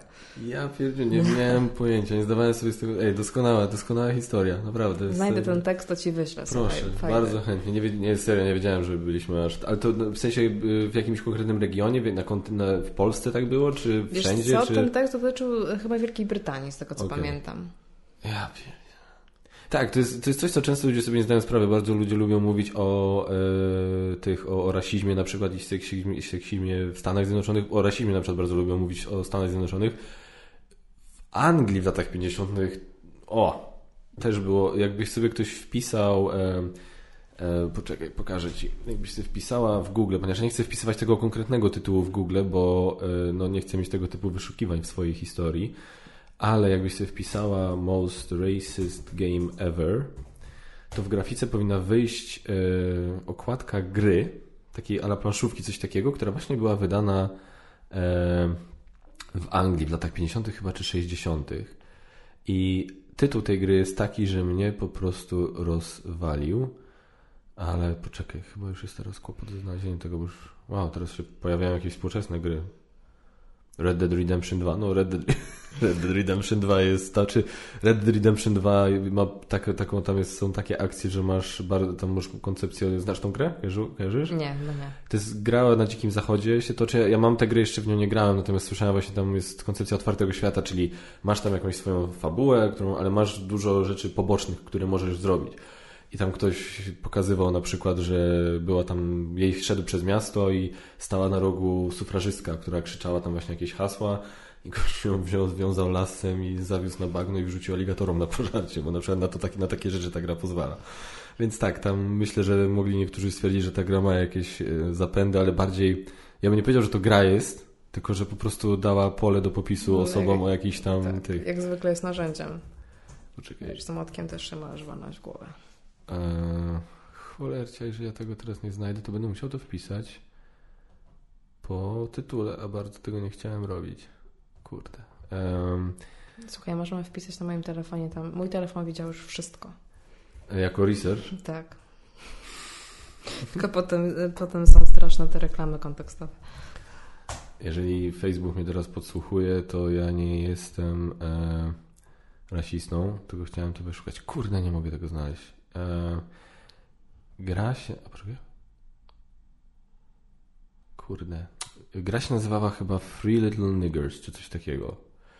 I to były takie figurki, e, plastikowe, takie cztery figurki małych e, czarnoskórych chłopców, które można było postawić gdzieś i je strącać. To była prawdziwa gra, która wyszła, mówię, gdzieś lata 50., 60. Ja możliwe, że przekręciłem tytuł. Podejrzewam, że nikt nie będzie chciał mi w komentarzach, mam nadzieję, że nikt nie będzie mi w komentarzach pisał teraz poprawnego tytułu, bo mówię, może mi to tro trochę zaszkodzić moim wyświetleniom.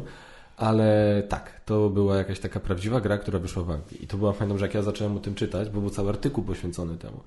I właśnie zwrócono tam uwagę, że lata 50., 60. w Anglii, minionego wieku oczywiście, to nie, to w Stanach nie było wcale, znaczy inaczej. Nie wiadomo, nikt nie będzie licytował, kto miał gorzej, czy gdzie było gorzej, ale to, to Stany nie były jedynym miejscem, gdzie dochodziło do różnych nieciekawych rzeczy. Więc tak, yy, wracając do ciebie, feministka, cyklistka, to czemu nie dodałeś wegetarianka? Żeby już bardziej. To już przesada. Tak, myślisz? Nie, bo taką... wiesz, bo tak też mam taką refleksję, że mówienie o tym, e, co się je, to w zasadzie to nie jest istotne. To już przesadzamy z tym. W ogóle wiesz, po czym jest taki żart, po czym poznać, po czym poznać prawnika. Sam ci o tym powie. E, przepraszam, jeśli kogoś obraziłam, ale podobny żart jest e, o wegetarianach, wiesz, skąd wiadomo, że ktoś jest wegetarianinem. Sam ci powiem. E, I jest coś w tym, więc e, dla mnie to już jest też. Ja w ogóle a propos tego bio, to już zamierzam je sobie zmienić, tylko że ja nie mam sama do tego wglądu, musiałabym kogoś tam poprosić, Aha.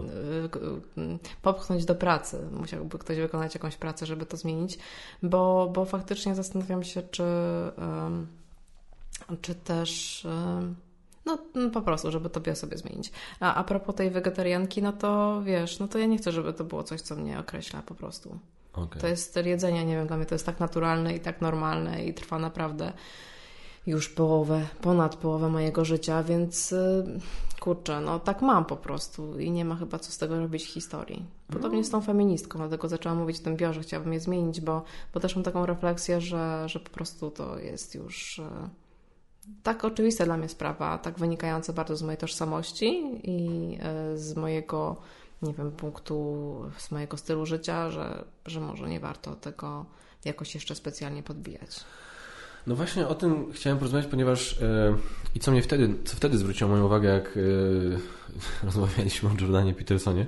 Przynajmniej ja miałem wrażenie, że o nim rozmawiamy. Kurczę, musimy prześledzić tę konwersację. No, nie gadamy aż tyle na Messengerze, więc myślę, że bylibyśmy w stanie się do tego cofnąć. Ale to eksperyment po tym. głupie, jak się okaże, że naprawdę o nim rozmawialiśmy, a ja zapomniałam. Jesteś bardzo zajętą osobą, dużo rzeczy na głowie, więc podejrzewam, że mogłaś być wtedy zainteresowana, ale na przykład szybko ci uwaga poszła na coś innego i wyleciał. Jest normalne, ja mam tak zmienione rzeczy pewnie ale po prostu mi się, mi się właśnie wtedy to, na, mi się to wtedy zakodowało, ponieważ e, Jordan, od czego by tu zacząć?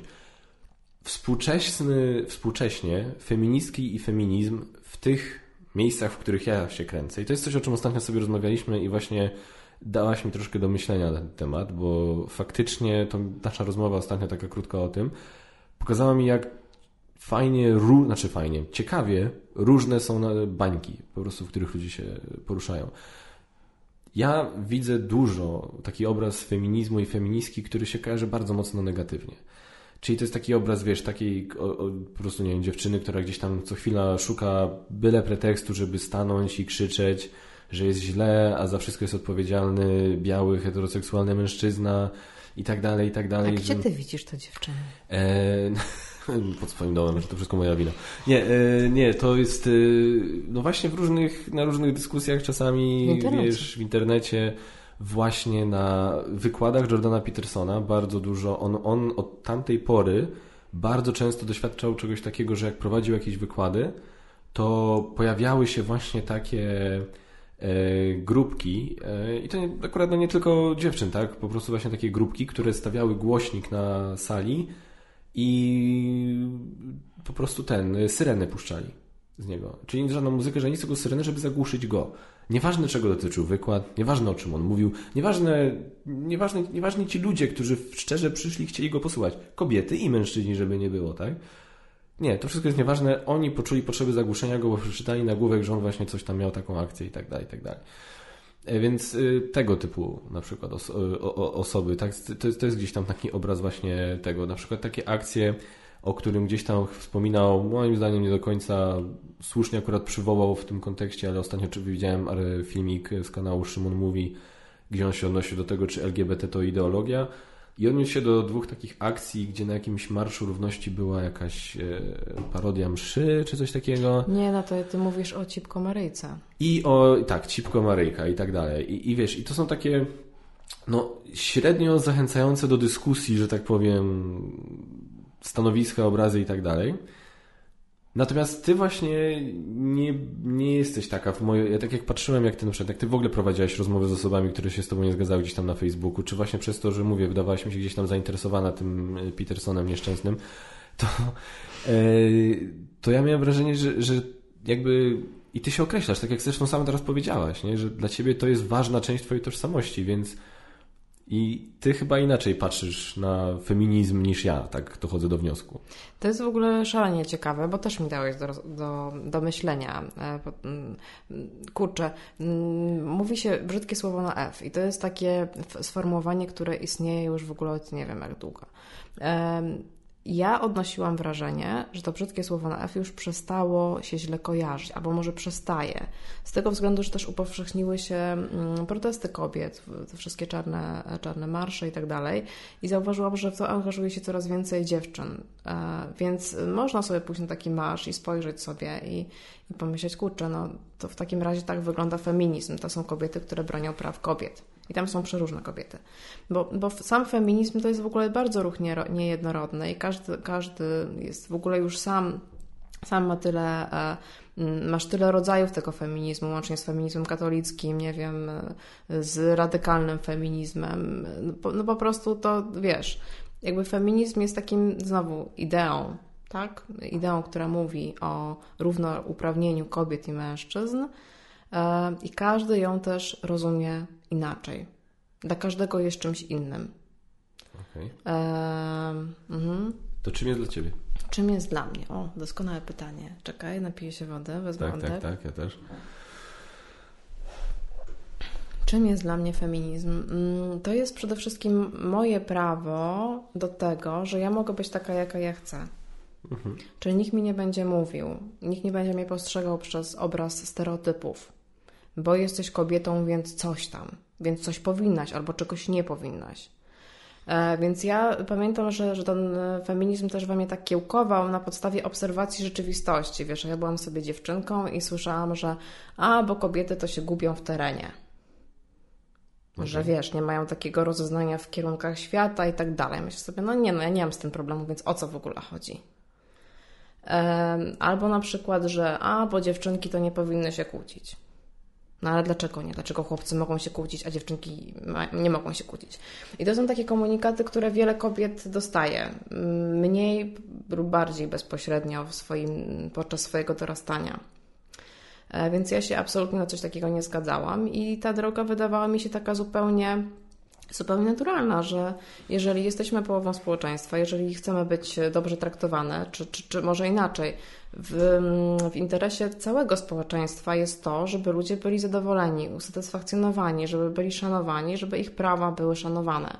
A w przypadku kobiet tak nie jest. Kobiety cały czas muszą się upominać o to, że, że, że ciągle coś trzeba zmieniać. E, mm, na przykład y, mówi się o tym, że czy feminizm, kilka lat temu było, było takie dosyć popularne stwierdzenie, czy feminizm jest, jest jeszcze potrzebny.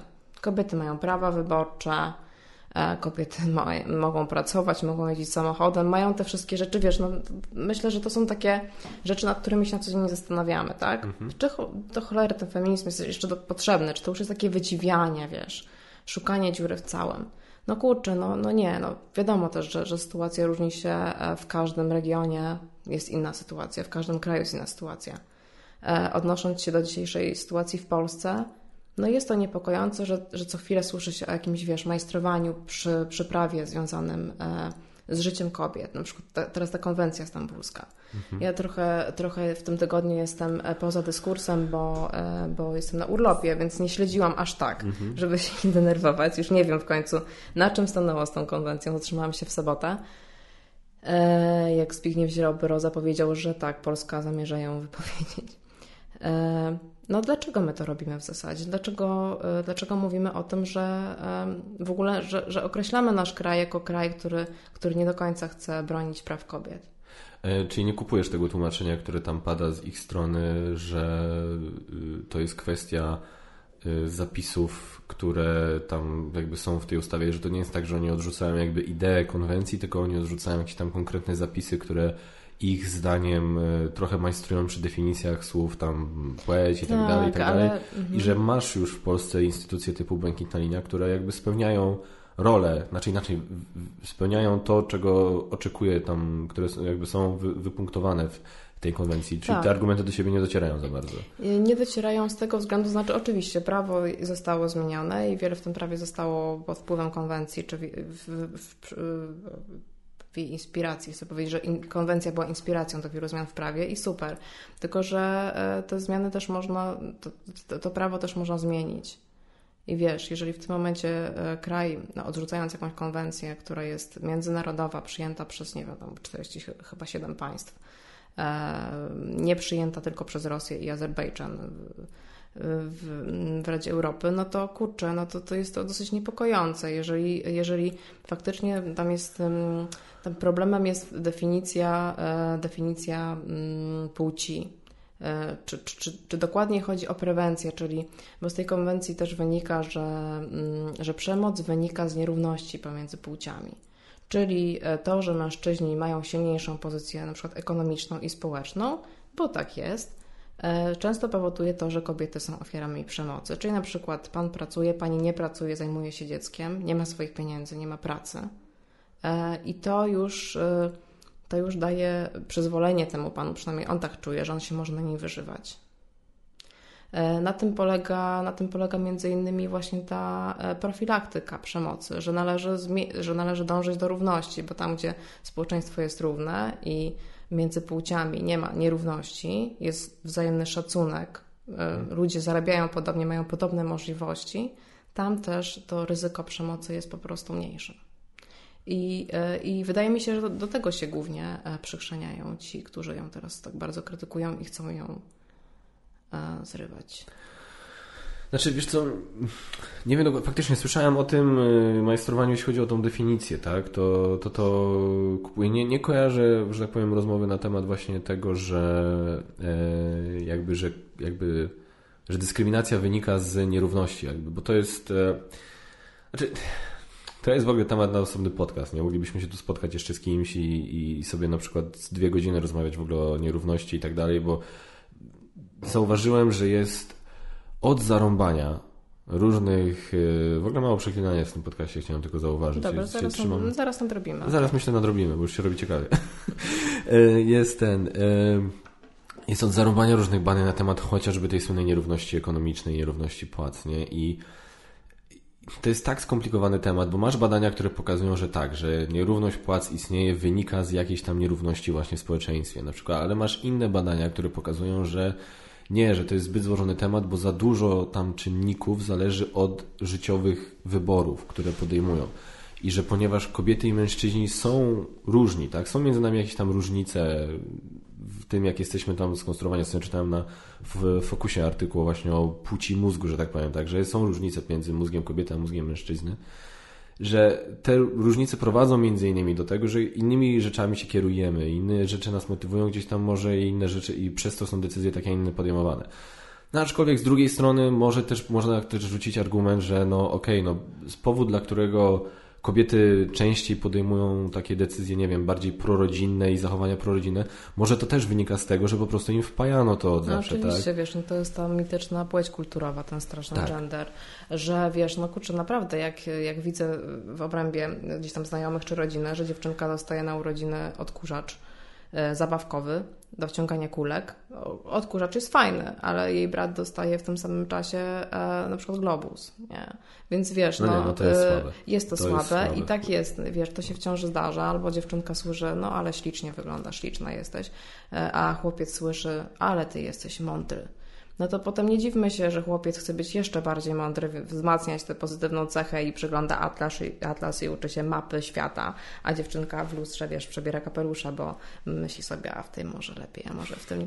No kurczę, wiesz, sami gdzieś tam to y, też kształtujemy. Przez nasz świat, przez reklamę, przez przekaz w mediach i w ogóle e, taki przekaz kulturowy. To jest ten straszny gender, którym tak bardzo nas straszono, który nie jest żadnym potworem, tylko to mówi po prostu o tym, jak jesteśmy skonstruowani przez naszą kulturę, jak nasza płeć jest konstruowana przez kulturę.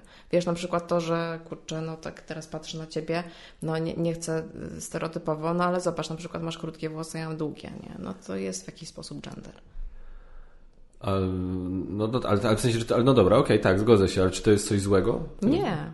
No, nie. Znaczy nie, no nie jest to. Wiesz, Czyli to jest taka, no to... gender to jest po prostu takie rozmawianie o tym, ale bez oceniania tego, tak? tak? Ja przynajmniej tak to odbieram, że to jest, ja to odbieram zupełnie bez oceny. Są pewne, wiesz, fakty, że na przykład, wiesz, nie wiem, kobiety się marują, faceci nie. No tak. Trudno to oceniać. Można byłoby zacząć. A czemu się faceci nie malują? A czemu kobiety muszą? Może nie muszą. Bo jesteśmy atrakcyjni. E, e, słuchaj, ja mam na ten temat swoją własną teorię, bo e, w świecie zwierząt, jak okay. pewnie wszyscy wiedzą, samce są ładniejsi, ładniejsze. E, wiesz, lew ma taką super grzywę, kaczka ma super pióra, paw, paw ma ten ogon fakty, i w ogóle faktycznie. spójrz, wiesz, do akwarium, że ryby są, y, panowie rybki są w ogóle, to są ci piękni z tymi o, ogonami, okay. skrzelami, w ogóle mienią się kolorami tęczy, a samice to są takie zwykłe, szare, w ogóle tam nie zauważyłbyś. Mówiłem Ci, że już się cieszę, że Cię zaprosiłem dzisiaj do podcastu. Nie, jeszcze nie. to tak, bardzo się cieszę. Więc ja się zastanawiam, czy kurczę, y, w którym momencie to poszło tak w świecie człowieka, że to kobiety się, o kobietach się mówi, że to jest piękna płeć. Bardzo nie lubię tego sformułowania. Uważam, że wszyscy jesteśmy piękni. Roz, tego rozróżnienia bardzo nie lubię. E, tak, e, ale wiesz, no w którym momencie stało się tak, że no to kobiety tak obiektywnie, że, że, są bardziej wystrojone, że tak mają te włosy, mają jakieś tam rzęsy, a faceci jak te kaczuszki, tak tacy szarze są. Wiesz co, ja, ja nawet, ja bym Ci też kiedyś na tym tylko jest na pewno z tych rzeczy, gdzie bardzo, zajebiście trudno byłoby dojść do tego, do tego początku, nie? Od czego to się wszystko zaczęło. Wiesz co, może ludzie po prostu nie są jakoś specjalnie ładni w porównaniu do zwierząt. No nie, to akurat nie mam cienia wątpliwości. Bo, bo pomyślałam, że, że wiesz, na przykład faceci, dobra, gdyby faceci nie, nie kolili brud, mieliby takie długie brody, to może jak ten lew też byliby piękni tacy ten. Ale czy ja, przepraszam, że patrzę na Ciebie i to mówię. E, ale nie jestem przekonana, czy, o, na przykład, wiesz, przylatują kosmici na planetę Ziemia i oni mają wskazać, która płeć jest piękna i nagle wskazują facetów. I wskazują facetów, bo faceci, wiesz, no załóżmy, że nie mają makijażu, ciuchów i tak dalej, nie? Wskazują na facetów, bo nie wiem dlaczego, bo, bo faceci według nich są, wiesz, fajnie zbudowani. To jest wszystko takie bardzo, e, bardzo kulturowe. No tak, to jest bardzo kulturowe, to się zgadza. I jakby dlatego mówię, nie, właśnie a propos w kontekście tej nierówności, e, tak po prostu, przepraszam, tak sprawdzam sprzęt, czy wszystko działa. E, właśnie w kontekście tej nierówności ekonomicznej, nie, to jest właśnie to, że co jest ciekawe, jeżeli, że faktycznie dużą rolę w tej nierówności odgrywają, no to, to się nie da ukryć, odgrywają życiowe wybory, tak? E, że to częściej kobieta decyduje się zostać w domu, a facet idzie do pracy. Chociaż wcale tak już też nie jest aż tak często. Ale wiesz, i to się wynika, też zmienia. Wynika to też często, przepraszam, że ci wejdę no. w słowo, a to też często wynika z ekonomii. Kobieta zarabia mniej. No, ale właśnie to teraz pytanie, co było pierwsze, kura czy jajko? Czy nie idzie do pracy, bo zarabia mniej, czy zarabia mniej, bo nie idzie do pracy? Wiesz, to jest, to jest, to jest na tej zasadzie. I, ale co jest, co jest ciekawe, do, do w ogóle myślenia w ten sposób, to jest też często są rzeczy przekazywane kobietom przez inne kobiety. To jest na zasadzie, wiesz, moja żona na przykład, jak się poznaliśmy, yy, gotowała, ta, zaczęła gotować, po prostu ja zobaczyłem, ja wtedy przestałem chodzić na siłownię i przy tym chyba z 15 kilo. Ona tak zajebiste rzeczy i zresztą do dzisiaj gotuje, że jest po prostu mistrzem w kuchni. E, ja mam do tego dwie lewe ręce i, i tak dalej, ale, ale ona jest po prostu genialna. I ona wtedy na przykład mówiła, jak ja właśnie mówiłem, kurde, czym ja sobie zasłużyłem, że takie zarobiste rzeczy dla mnie robisz. Ona mówiła, że jej babcia zawsze mówiła, że kobieta powinna swojego faceta zadbać, nie? I to, i to, i to też jest gdzieś tam, wiesz, niby to nic złego, no bo to nie jest nic złego, że wiesz, że, żeby uczyć, że uczysz kogoś, żeby dbał o osobę, którą kocha, tak? To nie jest nic złego, jak sobie tym tak pomyślisz. No ale faktycznie jest to podtrzymywanie pewnego status quo, gdzie utrzymujemy, wiesz, dobra, ty robisz to, on robi to i tak dalej. I przy czym ja bardzo na przykład, ja osobiście uważam, że tutaj wszyscy tracą. Że, tak. to nie tak. jest, że to nie jest coś, co jakby konkretnie jest wymierzone tak bardzo i, i, i, krzywdzi tylko kobiety, bo faceci moim zdaniem też na tym tracą. Zgadzam się z Tobą całkowicie. Na przykład spójrzmy na wychowanie dzieci. Teraz, już teraz nie pamiętam, czy my przed podcastem zaczęliśmy o tym rozmawiać, czy podczas podcastu, że faceci się teraz angażują w wychowywanie dzieci. Mhm. Znacznie bardziej niż w pokoleniu naszych ojców. Tak. Zresztą moja mama też o tym mówi, e, że jak my się urodziliśmy, czyli ja i moje rodzeństwo, no to nie było w ogóle, nikomu by nie przyszło na myśl, żeby tata tam przychodził i przewijał i nosił i kąpał tak. i tak dalej, i tak dalej. I teraz moja mama obserwuje mojego brata, który z tymi dziećmi robi praktycznie wszystko to, co robi jego e, małżonka. E, więc w ogóle zmiana jest ogromna, no ale moim zdaniem absolutnie na plus dla mężczyzn, ponieważ mężczyźni e, z pokolenia naszych ojców, nasi ojcowie, ja odnoszę wrażenie, obserwuję swoich znajomych na przykład, że nie ma tej takiej super relacji, że ci mężczyźni coś stracili.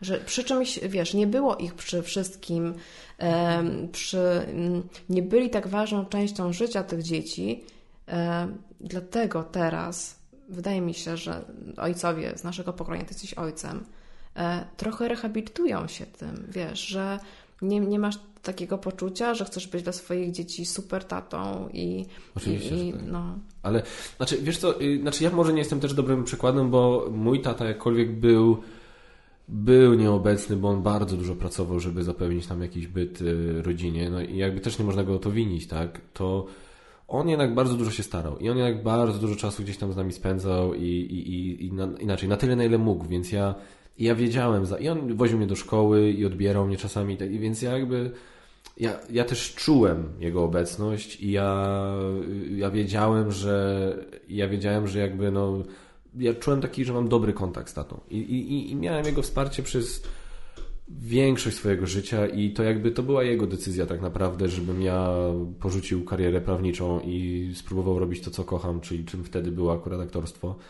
To ja nigdy nie zapomnę tego. Jak, on, jak ja byłem na, to był trzeci rok studiów e, i on do mnie po jakiejś tam kolejnej kłótni, bo ja dostałem jakąś kolejną lipną ocenę na, na studiach, on do mnie przyszedł do pokoju i on do mnie powiedział bo w tej, w tej kłótni ja po prostu wyrzuciłem, że ja po prostu tego nie znoszę. Myślałem, że mi się to spodoba, chciałem, żeby, chciałem zostawić sobie jakieś tam horyzonty otwarte, idąc na takie w, taki w miarę otwarty kierunek, jakim było prawo. I, I chciałem, żebyście wy byli ze mnie zadowoleni i tak dalej, więc na to poszedłem, ale to nie jest dla mnie, nie cierpię tego. I on pamiętam, że po jakieś pół godziny do mnie do pokoju powiedział, kurde Paweł, powiem Ci tak. Ja pamiętam, że jak ja byłem, jak ja musiałem robić jakieś tam rzeczy w swoim życiu, y, które, które nie sprawiały mi radości, to ja pamiętam, że to cholera to musi być gorsze niż więzienie. Więc wiesz co, faktycznie weź, zobacz na tą tam szkołę filmową, o której kiedyś tam mówiłeś, zobacz, czy tam się coś da. Więc w ogóle słuchał mnie, jak kiedyś o czymś tam wspominałem.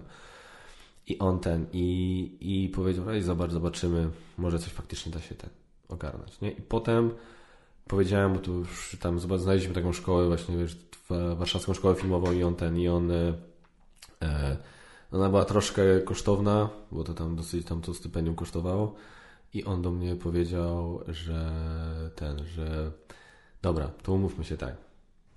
Dwa lata ci zostały studiów, czwarty, piąty rok. To już skończ je, zrobisz sobie magistra, żeby mieć, wiesz, mieć jakieś tam zabezpieczenia, ten wyższe wykształcenie. Ja przez te dwa lata sobie poukładam biznesy tak, żeby mnie było stać na to, żeby ci tę szkołę opłacić i żeby cię wysłać do Warszawy, żebyś spróbował. Masz dwa lata, przyszło. Zajebiste. Zajebiste wsparcie. Los chciał, że y, ogłosili wtedy konkurs na stypendium do tej szkoły, w którym wziąłem udział i który wygrałem. Super.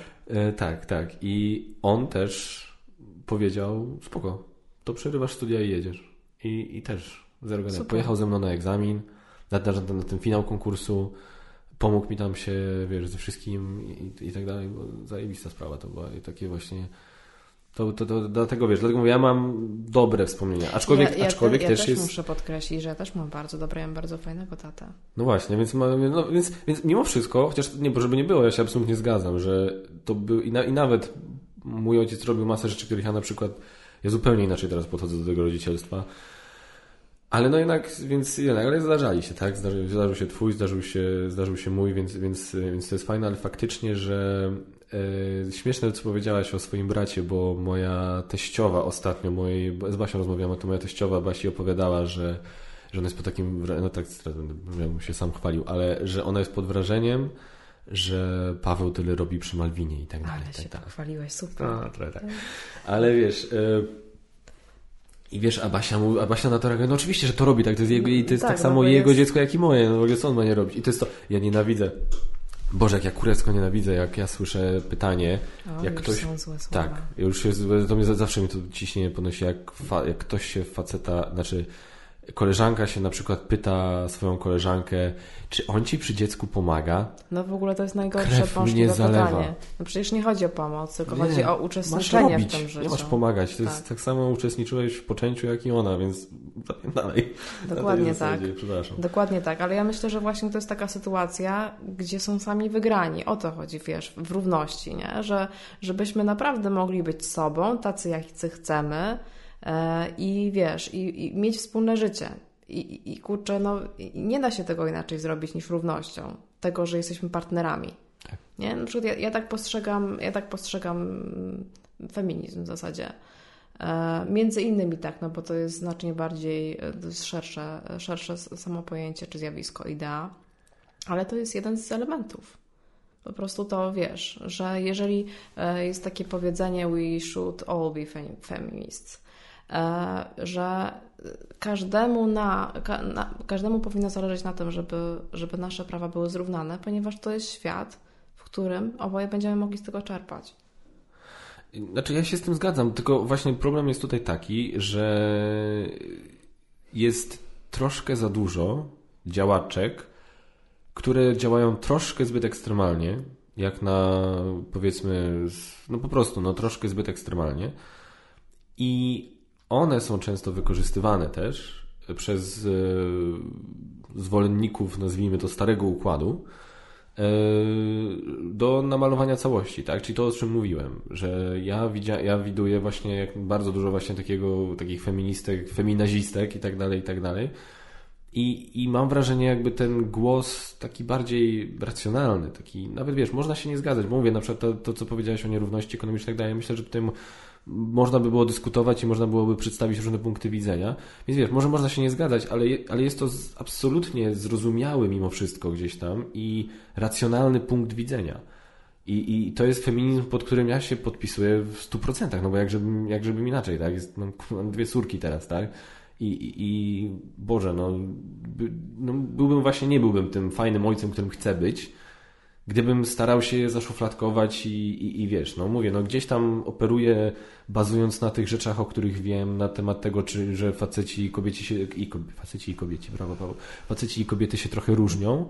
Gdzieś tam mam to z tyłu głowy, ale wiem, że te różnice nie determinują takich rzeczy na zasadzie, wiesz, jaką karierę sobie wybierzesz i, i tak dalej, tak, jakim, jakim człowiekiem będziesz, czy będziesz miał dzieci, ile będziesz miał dzieci, te, tego typu rzeczy, nie? To bardziej, bardziej y, różnice między kobietami a mężczyznami mi podpowiadają, jak rozmawiać e, z, z moimi dziećmi, nie? Jak, e, w jaki sposób po prostu w ogóle podchodzić do pewnych tematów i, i, i tak dalej, a w, a, w taki, a w których tematach w ogóle się zamknąć i pozwolić mojej żonie po prostu zabrać głos i jakby zająć się, zająć się tematem. Więc, y, no mówię, no nie wiem, czy tutaj jest jakiś konkretny wniosek akurat z tego, z tego fragmentu naszej rozmowy, ale właśnie pamiętam, że po prostu mi się spodobało to, co powiedziałaś właśnie o tym, że o, o tych bańkach i, i, i, że jest ten cały odłam po prostu jakby, który no, no, no nie, że to nie chodzi o te ekstrema, to nie chodzi o te właśnie jakieś tam radykalne posunięcia i tak dalej, tylko chodzi po prostu o takie zdroworozsąd- taką zdroworozsądkową równość po prostu. Ale to jest ciekawe, że o tym mówisz, bo na przykład ja te ekstrema też nie przeszkadzają mi one. To znaczy ja myślę, że w ruchu feministycznym jest miejsce e, na różne działania. E, na różne, na różne też poglądy, no bo ruch feministyczny naprawdę nie jest jednorodny i mhm. wrzucanie wszystkich do jednego worka i mówić albo feministki, no nie, no tych odłamów jest mnóstwo, co, tak. co, co każda osoba, tym to inne poglądy. Myślę, że same mogłyby się feministki są kłócić na, na wiele różnych poglądów. Pewnie to robią w internecie. Pewnie oczywiście. dokładnie e, to robią. Mm, nie można odmawiać im prawa do, wiesz, do różnych działań. Ty mówisz o tych radykalnych, ale nie do końca też rozumiem, wiesz, co, co masz na myśli, e, mówiąc radykalne. To są osoby, które co robią na, na przykład? przykład no, no, no to co Cipko Maryjka, no, czy to na przykład było tak totalnie potrzebne? To nawet Aleksandra mm. Dulkiewicz, pisała, prezydent Gdańska, mówiła, że no, była zniesmaczona tym. Chociaż no, jest kobietą, jest z kobietą na bardzo wysokim stanowisku, jakby nie patrzeć. Ale to, to I... też jej się oberwało, że była zniesmaczona. No, no właśnie, dlaczego jej się oberwało? No przecież jest, ona ma prawo, ona ma prawo być osobą wierzącą, ona ma prawo poczuć się urażona przez taki gest. ona ma prawo uznać taki gest za niepotrzebny, za niepotrzebnie antagonizujący może i, i, i ma prawo taką opinię wyrazić. Więc też nie rozumiałem czemu. Ja rozumiem, że ktoś się mógł z nią nie zgodzić, okej, okay. Ale żeby ją, wiesz, na zasadzie, że jak możesz w ogóle i, i tak dalej, no, no, nie, no to, to nie jest dyskusja. W ogóle wtedy. przykład Cipko Maryjki jest taki zabawny dla mnie, ponieważ ja... Szło, nazwa ja, jest ja, dla mnie zabawna. Ta, ta nazwa jest piękna. E, ja, wiesz, ja szłam w tej manifestacji, e, ja widziałam tę Maryjkę gdzieś tam, mhm. E, ona faktycznie szła we mnie to nie budzi jakiejś ani odrazy, ani emocji. Wiesz, że też nie jestem osobą religijną, więc może, ja może dlatego. Może też, czy staram się przyjąć różne możliwe punkty widzenia. Zastanawiam się, wiesz, kto mógł się poczuć z tym obrażony i dlaczego i tak dalej, bo takie hasła antyklerykalne zawsze się zdarzają na manifestacjach feministycznych.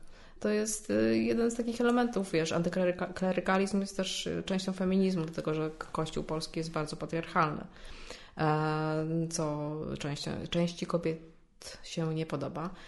Mm, no i jeśli chodzi o tą cipko Maryjkę, kurczę, ja nie rozumiem o co tam chodziło. To znaczy, według mnie, okej, okay, idzie to idzie. Nie, nie, nie namawia do nienawiści.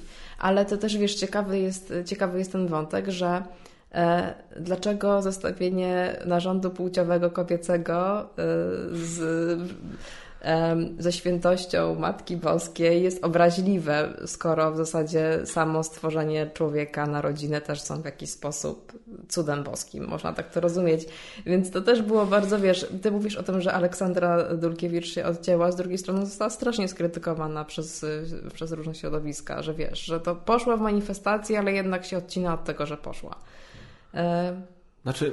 I czym jest obraza uczuć religijnych w zasadzie? A, znaczy nie, no dobra, nie, ja nie, chcę, nie chciałem wchodzić na obrazy uczuć religijnych, bo to jest jakby, i absolutnie pod kątem prawnym w ogóle moim zdaniem nie powinno być czegoś takiego jak obraza uczuć religijnych, bo nie rozumiem czemu e, można prawnie z, jakby uregulować e, e, właśnie obrazy czy, czyichś uczuć religijnych, ale, nie, ale prawne, ale obrazy czyichś uczuć intelektualnych poprzez nazwanie kogoś idiotą, to już nie jest prawnie uregulowane. Nie, roz... dobre... nie rozumiem tego, nie? Tak, dobre punkt widzenia. Ale, ale po prostu akurat ja wiesz, to jest to, o czym myśmy, o czym myśmy mówili, wiesz, na temat rozmowy, tak? Co można zmienić, jak to można zmienić, jak to można uratować. Ja gdzieś tam mam misję z tym podcastem i ja wiem, komentujący odcinek z moim gościem Szafą, mogliby powiedzieć, że trochę zawiodłem, ale ja się, to jest dopiero początek, więc jeszcze mi trochę czasu pewnie zajmie, zanim gdzieś tam wypracuję jakiś tam styl prowadzenia tych podcastów. Ale moją misją jest właśnie to, żeby ludzie rozmawiali, żebyśmy dochodzili do jakichś wniosków, żebyśmy starali się, okej, okay, ja nie zmienię tego, że w naszym społeczeństwie będzie od zarąbania ludzi wierzących. Ja nie zmienię tego, że jest od zarąbania osób, które uważają, że płód to już jest życie i że kończenie tego życia jest czymś złym. Nie zmienimy tego, nie, nie, nie wpłynę na to. Ja mogę sądzić inaczej, ja sądzę inaczej, ale ja nie, nie mogę za bardzo też mieć pretensji do kogoś, że dla kogoś to jest jakiś tam wrażliwy temat, że to ktoś nie chce tego i tak dalej, i tak dalej. Ja to wszystko rozumiem. Nie zmienimy tego. Nie zmienimy ludzi, którzy są konserwatywni, że są wiesz, sceptyczni, jeśli chodzi o imigrantów. Nie zmienimy ludzi, zdania ludzi, którzy są otwarci na imigrantów. My tego nie pozmieniamy, tych ludzi się nie pozbędziemy. My zawsze będziemy żyli razem, więc musimy jakoś koegzystować. I jedynym dla mnie sposobem na to koegzystowanie jest dyskusja, jest dialog, jest szukanie kompromisów. Nie znajdziemy kompromisów obrzucając się błotem. Nie znajdziemy e, kompromisów obrzucając się bluzgami. Wiadomo, są jakieś skrajne opinie, są skrajne osoby po obu stronach, które, no wiadomo, no, może, czasami mi się zdarzy też mieć radykalne poglądy negatywne na temat pewnych osób, bo moim zdaniem przesadzają. Okej, okay, ale generalnie, co do zasady, szukajmy gdzieś tego złotego środka, żeby po prostu starać się jako społeczeństwo iść do przodu. I, i, i to może być, to może przybrać różną formę w wielu dziedzinach, a działania takie jak po prostu walnięcie pochwy na, nawet nie pamiętam, czy to było na, na jej twarz, na co to było, nie wiem. Nie, to chodziło też, że z takimi promieniami była. A, tak, dobra, dobra, no właśnie, no, no to zrobienie czegoś takiego dla mnie to jest takie, okej, okay, nie, jest, nie, nie jest tak, że to mi zepsuło humor czy coś, bo też tak jak nie jestem religijny, ale kumam, że komuś, komuś dla kogo religia jest na przykład ważna, to mogło być dla tej osoby to po prostu niepotrzebnie wulgarne i po prostu no niepotrzebne, tak? I, i, i okej, okay, uważam za nie fair te, te, przeprowadzenie takiego zabiegu, że bierzesz tą jedną osobę, która miała tą cipką Maryjkę i Nazwa ja muszę jest, przestać ale, ale ta nazwa jest cudowna. Ona ja jest po prostu cudowna. używać, jest po... straszna. ja bardzo ją lubię. Jest... Po prostu uśmiech na twarzy się pojawia, jak to mówisz. że wziąć tą jedną osobę i powiedzieć, taki był ten marsz. No nie, no to nie był cały marsz. To była tam jedna osoba, która zrobiła jakąś tam jedną rzecz. No, yy, ale po prostu mówię, no to jest rzecz, której ja na przykład osobiście nie pochwalam. I, i, i jakby no, i nie uważam też żeby była konieczna. Bo ja rozumiem, że czasami takie ekstremalne działania mogą być potrzebne do, do tego, żeby kimś potrząsnąć i żeby się obudził. Okej, okay, ale to było, rozumiesz, to było jakby za mało radykalne, żeby kogoś, żeby kimś właśnie tak potrząsnąć, ale za bardzo, żeby jakoś próbować prowadzić kulturalną rozmowę na tej zasadzie. Ja, ja tak na to patrzę przynajmniej. No to był element performance'u, a teraz naprawdę już zaczęliśmy rozważać y, dyskusję o tej, już nie powiem tej nazwy. Nie, tej nazwy. nie powiem proszę, tej proszę. nazwy. Mimo, że lubię, że się uśmiechasz, to nie będę jej mówić. czekaj, teraz wypadło mi z głowy, co chciałam powiedzieć, że to był taki performance w zasadzie. I wiesz, my, my też jesteśmy, w ogóle w Polsce jesteśmy tak bardzo y, zamknięci Y, na takie, wiesz, na kombinowanie właśnie ze świętością e, i tak dalej. E, I to może być e, wynik tego. Mm, no, kurczę. Ale jednak zobacz, jaki udany performance, że my rok później o tym rozmawiamy. Okej, okay, tak. Pod tym względem to był udany performance. Ja też bardzo nie, nie, lubię też tego słowa performance, bo to jest na zasadzie, wiesz, jak ktoś robi jakąś akcję, która jest zgodna z moją ideologią, to to jest performance, jak ktoś robi coś przeciwko, to to, to jest wandalizm. To jest taki, jakieś takie... Ale rozumiem o co ci chodzi, że, że to nie, że jakby ja to odbieram też tak po części problem jest na tyle poważny często właśnie z tymi nierównościami płciowymi i tak dalej, że sprowadzanie wszystkiego do y, waginy na kiju jest trochę infantylne.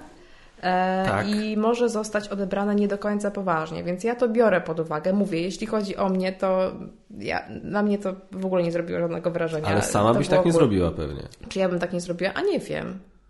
Nie, ale jak ty uczestniczysz w tych marszach, czy robisz coś przy okazji kontrowersyjnego, jakiś kontrowersyjny baner, jakieś kontrowersyjne coś, czy po prostu, nie wiem, jakimś, nie wiem, na przykład tym, co ja mam teraz na ręce, tak, czy, czy czymkolwiek innym na koszulce, czy po prostu tym pokazujesz swoją solidarność. Wiesz co, ja w ogóle jak zaczęłam pracować jako dziennikarka, to było już nie wiem ile lat temu, chyba z 7, e, to bardzo duży miałam taki opór i nawet było mi przykro, że kurczę, nie mogę iść w manifie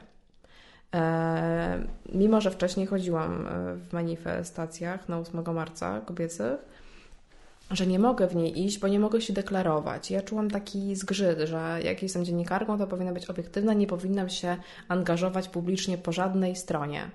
Mhm. E, I pamiętam, że takim. Mm, ja, ja miałam takie rozróżnienie potem. Potem tych marszy kobiecych protestów było znacznie więcej wiesz, czarne, wszystkie, tak, tak. czarny poniedziałek chyba, czy środa, już, już nie wiem, już nie pamiętam, bo tych e, było kilka takich mhm. akcji. E, I pamiętam, że, je, że miałam takie rozróżnienie, jeżeli, jeżeli ja jestem w pracy, tak, ja jestem reporterką, robimy materiał wideo, piszę tekst, absolutnie nie udzielam się, choćby nie wiem, jak bardzo e, grało mi to w sercu, co się dzieje, jak bardzo mnie nie wzrusza. Miałam taką jedną manifę, gdzie było bardzo dużo osób, bardzo była jakaś taka rekordowa I mnie to bardzo wzruszało, jak pytałam, wiesz, do mikrofonu ludzi, dlaczego tu idą, i byli tam mężczyźni, kobiety i w ogóle tacy ludzie, których e, wcześniej nigdy nie, nie, nie zobaczyłabym na manifestacji feministycznej. To tak a propos tego wizerunku feministycznego. Mhm. E, byłam bardzo zaskoczona i bardzo mnie to wzruszało, ale byłam w pracy, więc jakby zadawałam pytania, informowałam obiektywnie, co tam się działo, tak, byłam obserwatorką.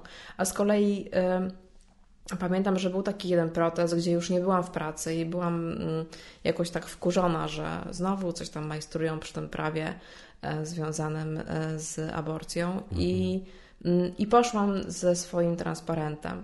I mój transparent był bardzo bezpieczny, bo napisałam na nim wolność wyboru. E... Oż, ty szalona jesteś.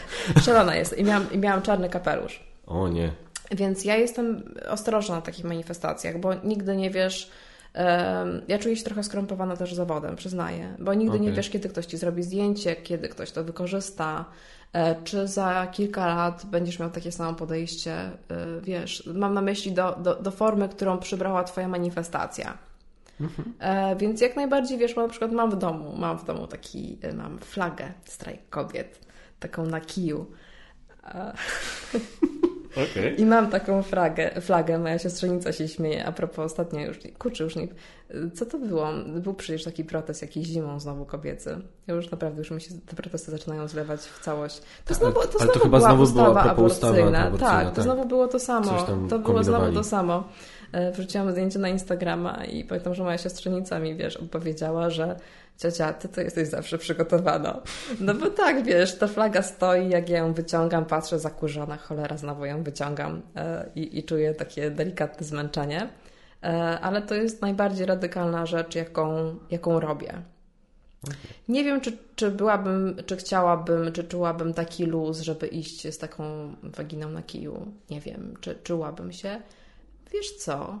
Nie wiem, na takiej manifestacji. A czekaj, nie, raz zrobiłam jedną szaloną rzecz. Okej. Okay. To było dwa lata temu. Cała się ubrałaś na czarno.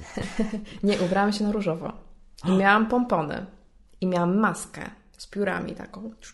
Okej. Okay. E, I tańczyłam. E, tańczyłam na Manifie, zawsze jest, e, zawsze jest taki zespół, Samba się nazywa i super grają, bębny walą, po prostu uwielbiam ich. Okay. I zapisałam się, słuchaj, i mieli, miałyśmy wcześniej próbę, próby tańca i to był taki taniec uliczny, że szło się z manifestacją, były te super bębny, ta muzyka po prostu energetyzująca i tańczyłam. Były trzy osoby wow. aż i w tym jeden mężczyzna. Okej. Okay. Więc byłam tancerką ubraną na różowo, w różowej bluzie, wiesz, i w, okay. ma i w masce różowej. To, to, to też to brzmi tak Trochę waniliowo. Ale... Trochę crazy, nie? Stać się na więcej, myślę. tak, zobaczymy, co przyniesie przyszłość, wiesz. No, nie, no, no, ale, no, ale podoba mi się ten, podoba mi się jak, jak to teraz żeśmy sobie pogadali o tym, bo mam wrażenie, że gdzieś tam może, może się do końca ze wszystkim zgadzamy, na pewno nie z tym czymś na tą niefortunną nazwę, ale że gdzieś tam chyba yy, gdzieś tam w serduchu jakby chodzi nam o to samo, mam wrażenie. I, I, jakby, no mówię, no ja patrzę na to też wszystko trochę tak bardziej osobiście z perspektywy właśnie bycia ojcem dwójki dziewczyn, tak? I jakby, no, nie wiem, nie wiem w jakim świecie im przyjdzie dorastać, nie wiem nie wiem, co się będzie działo, nie wiem, jakie będą chciały, jakie wybory będą chciały dokonywać, nie mam bladego pojęcia. Fajnie, żeby miały możliwość, wiesz, dokonywać takich, jak będą chciały. Tak, tak. I no. że nie będą musiały się liczyć z tym, że ktoś ich na przykład wyśmieje, bo są dziewczynami i robią coś, wiesz, nie dziewczyńskiego. Tak, znaczy, wiesz co, ja myślę, że ja już obserwuję na tyle dużo zmiany w różnych yy, dziedzinach, że tak powiem, życia, że myślę, że, że my, mam, jestem optymistyczny pod tym względem. Wiesz? Myślę, że naprawdę jesteśmy na dobrej drodze i yy, wiesz, na, taka najbardziej drażliwa pewnie w tym wszystkim dziedzina, czyli informatyka, tak? I jakby już yy, były takie śmieszne żarty kiedyś, tak? Przecież, że kobieta informatyk to jak świnka morska, ani świnka, ani morska, nie? Na tej zasadzie. Nie znałam takich żartów. Jezu, Dzięki. Czuję się obrażona. To, to za, za, za Maryjo Cipkę. E, I wiesz, i jakby i, i, to, i to też się zmienia. Jest coraz więcej dziewczyn w tym zawodzie. Jest e, i to też nie jakoś tam sztucznie przymuszone. Znaczy, w niektórych firmach były różne programy, które miały na zasadzie tak troszkę jakby sztucznie pod, pod, podbić te liczby. Ale nie, ale jest dużo dziewczyn, które po prostu szczerze się tym zainteresowały i, i w to poszły, więc to też już nie na to nie patrzy, jak, no, co, co ty tu robisz, nie na tej zasadzie. E, więc no, no to na pewno nie będzie. Ja, ja, ja jestem na przykład, ja, ja tak do tego wszystkiego podchodzę, że yy, dla mnie przede wszystkim to nie będzie nigdy, to nie będzie rewolucja, to będzie bardziej ewolucja. Czyli to jest ewolucja naszego myślenia, naszego podejścia, tego właśnie jak rozmawiamy ze swoimi dziećmi, jak uczymy swoje dzieci i wtedy przestaniemy, i, i, i to wiesz, bo to wprowadzić jakieś takie systemowe rozwiązania, które jakoś właśnie sztucznie będą kreować albo jakoś wyrównywać, wiesz, wyniki i, i, i tak dalej, to, to moim zdaniem jest dosyć niebezpieczne, bo to właśnie może niepotrzebnie też zantagonizować pewne, pewne grupy. Natomiast przez rozmowę, przez edukację, przez nauczanie, wiesz, w szkołach, y, właśnie jakieś fajne, trafne kampanie i tak dalej, i tak dalej, otwarte rozmowy, takie jak nasza tutaj, możemy doprowadzić do tego, że wiesz, że właśnie faceci będą inaczej ze swoimi córkami rozmawiać i matki będą inaczej ze swoimi córkami tak. rozmawiać.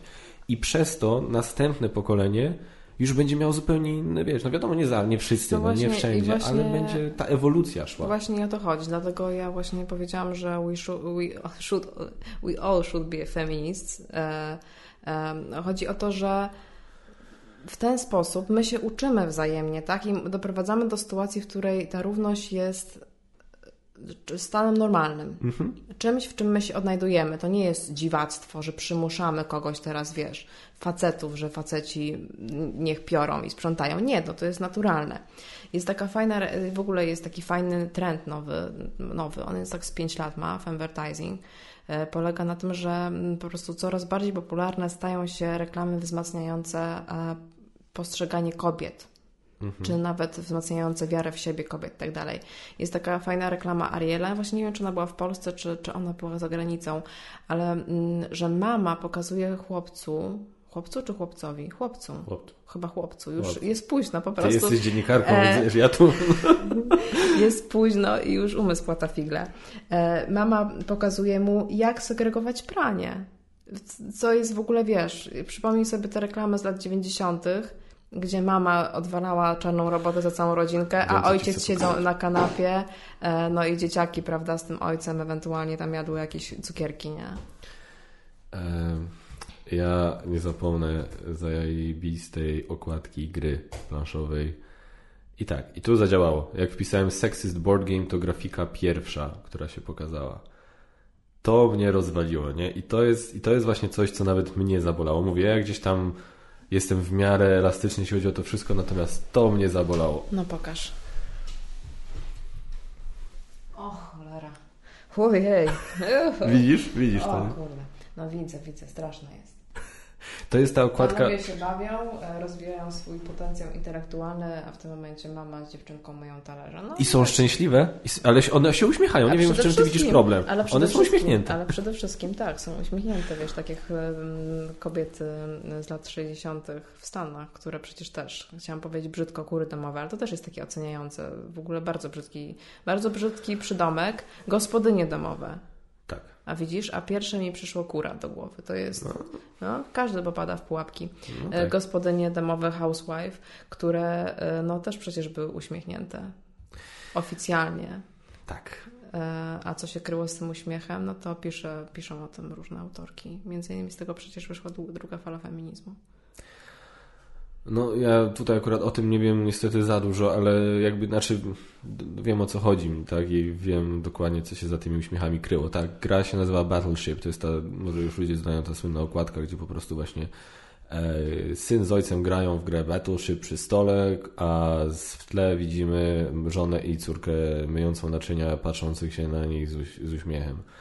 Jest to okropne, mówię to z punktu widzenia, mówię ponownie, ojca, ten dwójki po prostu córek, gdzie ja mówię, no nie, nie, nie, nie, nie, nie chcę mi się już tego komentować. No, to jest taki po prostu absurd. ja mam że... nadzieję, że dla wszystkich to jest oczywiste, że to jest absurd. Nie, nie, na pewno nie. Na pewno nie. To na no pewno właśnie, nigdy nie są, będziesz miała tak, że dla te, wszystkich. To, to są jakby, te bańki.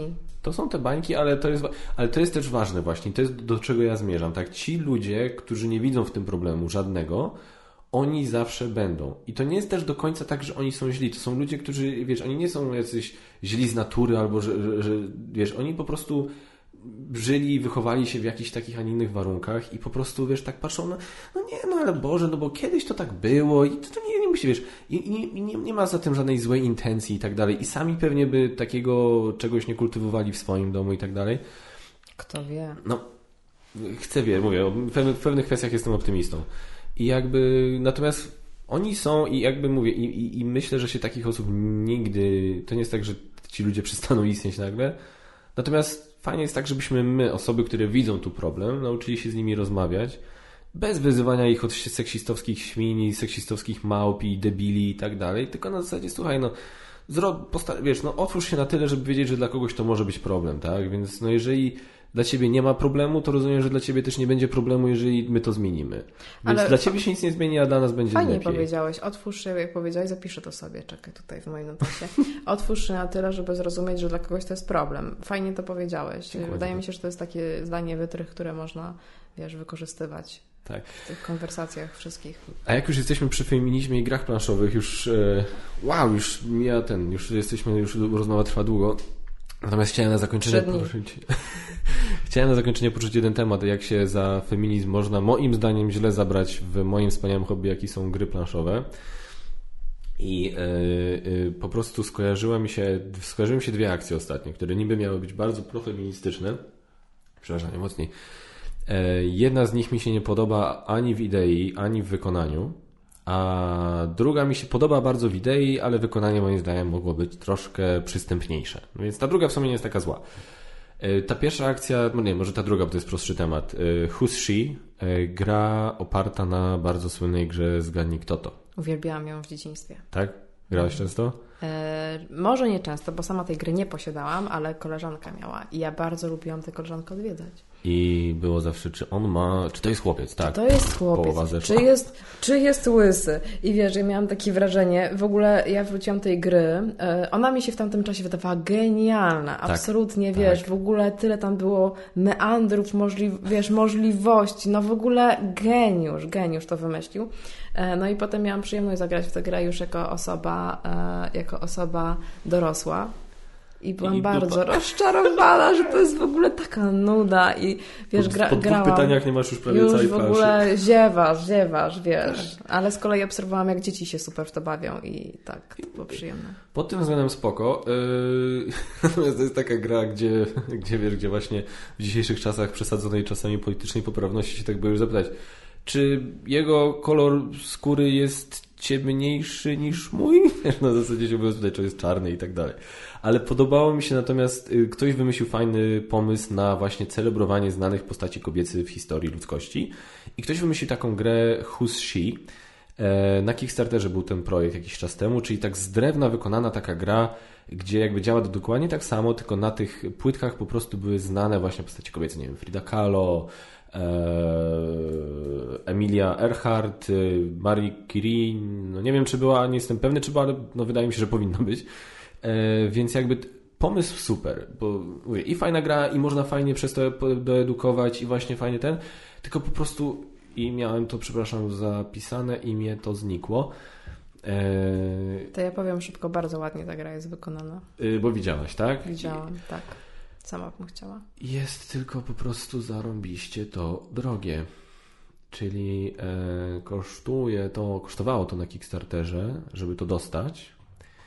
E, Jezus, nie tutaj. E, 65 euro. No to licząc Czyli szybko siana. ze trzy stówki prawie. Tak. To jest, to jest i, i dla mnie i to jest dla mnie taki trochę fail na zasadzie świetny pomysł, róbmy takie rzeczy, promujmy takie, takie osoby, tylko zróbmy to tak, żeby to faktycznie dotarło do dużej liczby osób, bo coś takiego no siłą rzeczy nie dotrze do szerokiego grona odbiorców, nie sądzisz? No nie dotrze, bo jest po prostu drogie. Jest po prostu drogie, jest tak? Jest drogie jak cholera. Jestem ciekawa, dlaczego jest takie drogie. To jest bo to jest drewno. Ze, no. złota. Aha. No to drewno, drewna. każda jest zrobiona, wiesz, to nie, nie masz tam, jeżeli to jest faktycznie prawdziwe drewno, no to każdy egzemplarz musi być przygotowywany osobno. Nie masz tam nic, co możesz puścić, wiesz, na drukarce jakiejś e, przemysłowej, czy na jakiejś taśmie, po prostu coś puścić, tylko każdy egzemplarz musisz, wiesz, ręcznie. Ale to jest edycja limitowana? A, ba, ba, ba, to już nie wiem. To już nie wiem, ale. No to by całkiem uzasadniało, wiesz, że, że potem to będzie.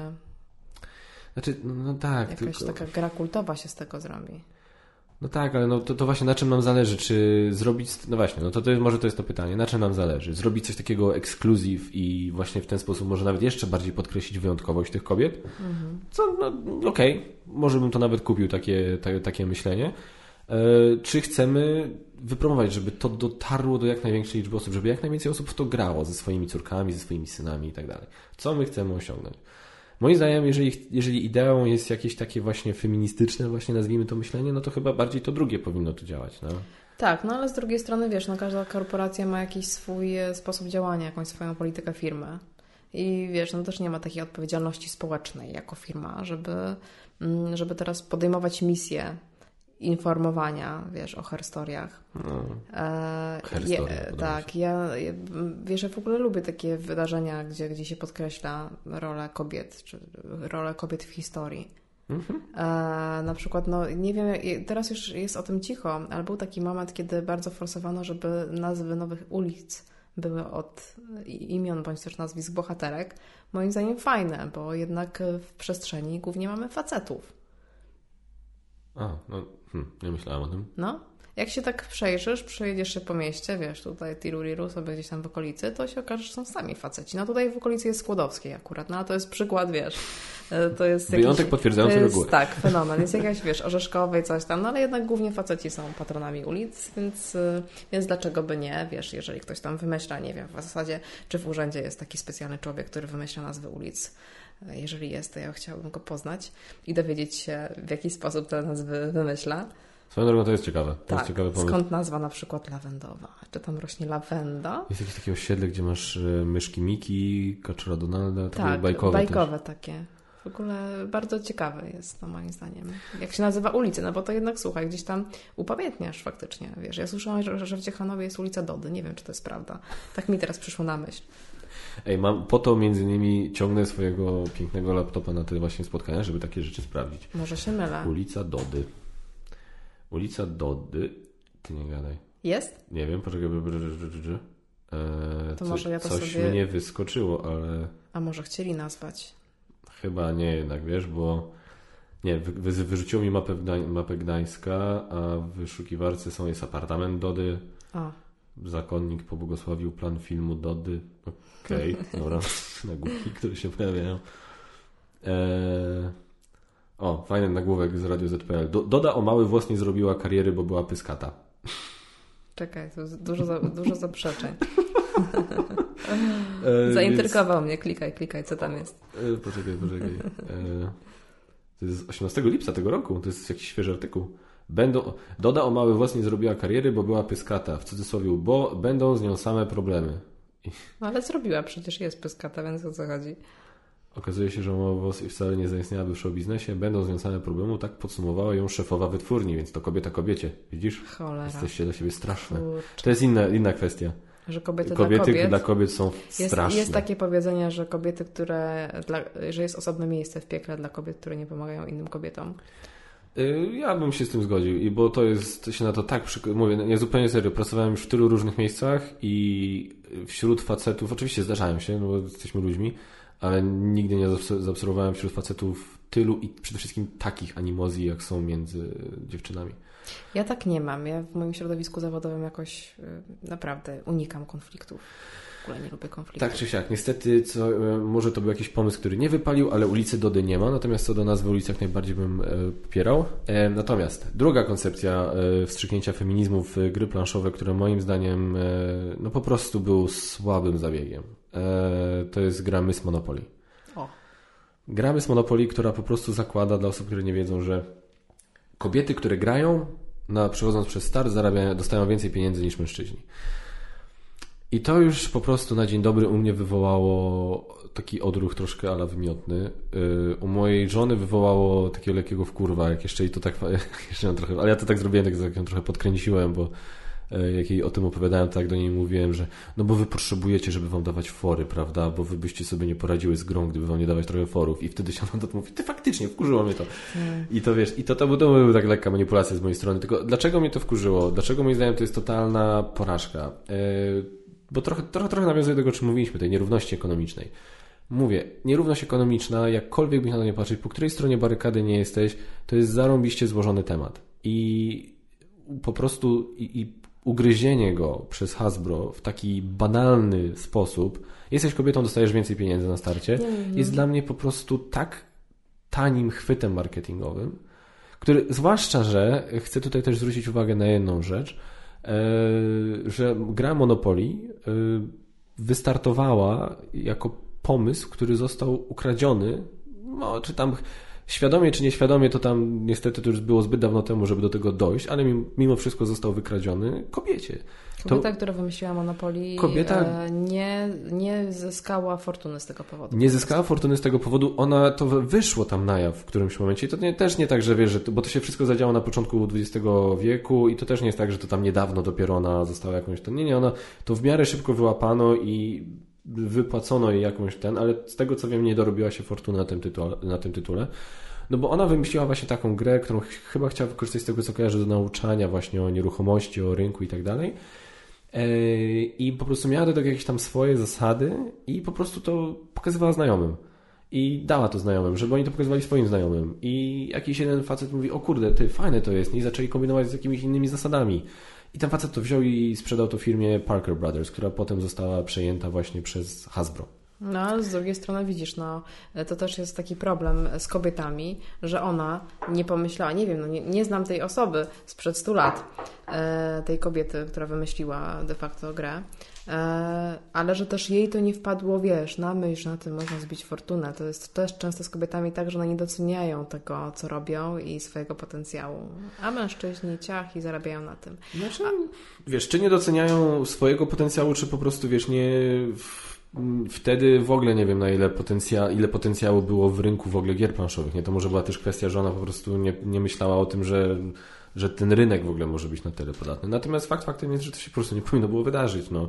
I jakby i, i, i cieszę się, że ta, ta historia gdzieś tam wypłynęła, ale dlatego też dla mnie jest to jeszcze o tyle bardziej, ten, ta akcja z tą Miss Monopoly jeszcze nie na tyle bardziej znana. Ja kurde, no, świętujecie, wiesz, niby, niby świętujemy feminizm, ale no nie wspominamy w ogóle, tak jakby udajemy, że to jest taki, wiesz, taki przykry gdzieś tam element naszej historii, że po prostu tę grę tak de facto gdzieś tam ktoś tam kiedyś zajwanił po prostu kobiecie. Tak, ale w ogóle jeśli chodzi o samą tą grę, no to, to wiesz, kontrowersyjne jest też to, e, czy to nie była próba ośmieszenia tej, ośmieszenia kobiet, rozumiesz? Bo, to, bo ta gra została mm, skrytykowana przez wszystkich, dosłownie przez wszystkich.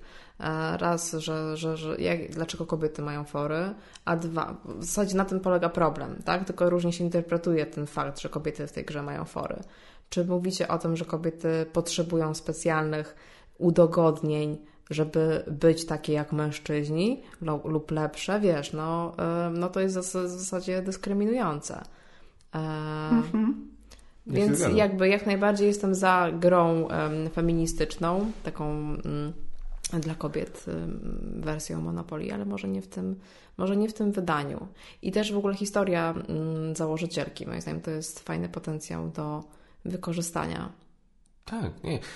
Ja mówię, ja, ja absolutnie jestem za akcentami feministycznymi w filmach, serialach, yy, grach, gdziekolwiek. Spoko, nie mam z tym żadnego problemu. Tylko, żeby to było po pierwsze przemyślane, żeby to się trzymało kupy w kontekście tego, gdzie to jest wykorzystane i żeby to też, i, i mówię, i żeby to nie było widać, że to jest taki, taki tani chwyt, tani zabieg, tak? Y, z świata popkultury to tam takie szybkie porównanie.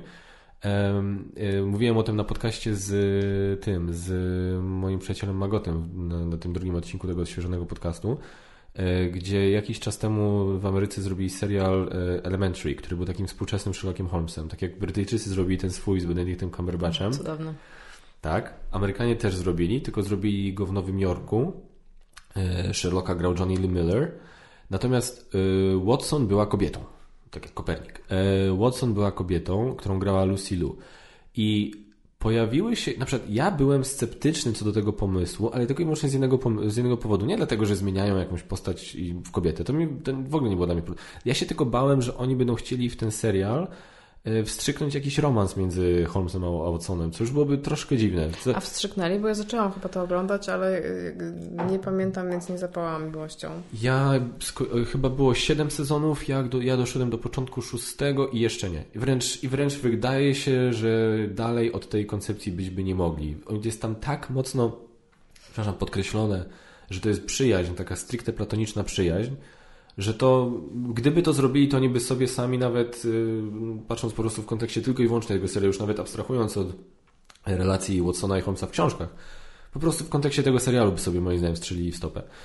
E, I, i mówię, i dla mnie to było po prostu... I, i, i jak tylko zobaczyłem właśnie, bo to już bardzo szybko można było zobaczyć, że oni nie idą w tę stronę, kompletnie nie idą w tę stronę, no to ja byłem po prostu to, to, to, zachwycony, bo generalnie wszystko inne a propos tego, jak e, ta postać została stworzona, jak Lucy Liu ją zagrała, było genialne i było absolutnie zgodne z literackim pierwowzorem. W sensie ten duch tej relacji między Holmesem a Watsonem był genialnie przedstawiony i generalnie, genialnie pozostawiony. I na przykład, i to był dla mnie feministyczny, nazwijmy to zabieg, który, który działał, który zadziałał, bo pokazano a czemu, czemu, wiesz, czemu nie można się pobawić konwencją? Czemu nie można zmienić i pokazać, że to ma, to ma, to ma szansę dokładnie tak samo zadziałać, jak zadziałało, kiedy tą postacią był facet. I zadziałało, wszystko super.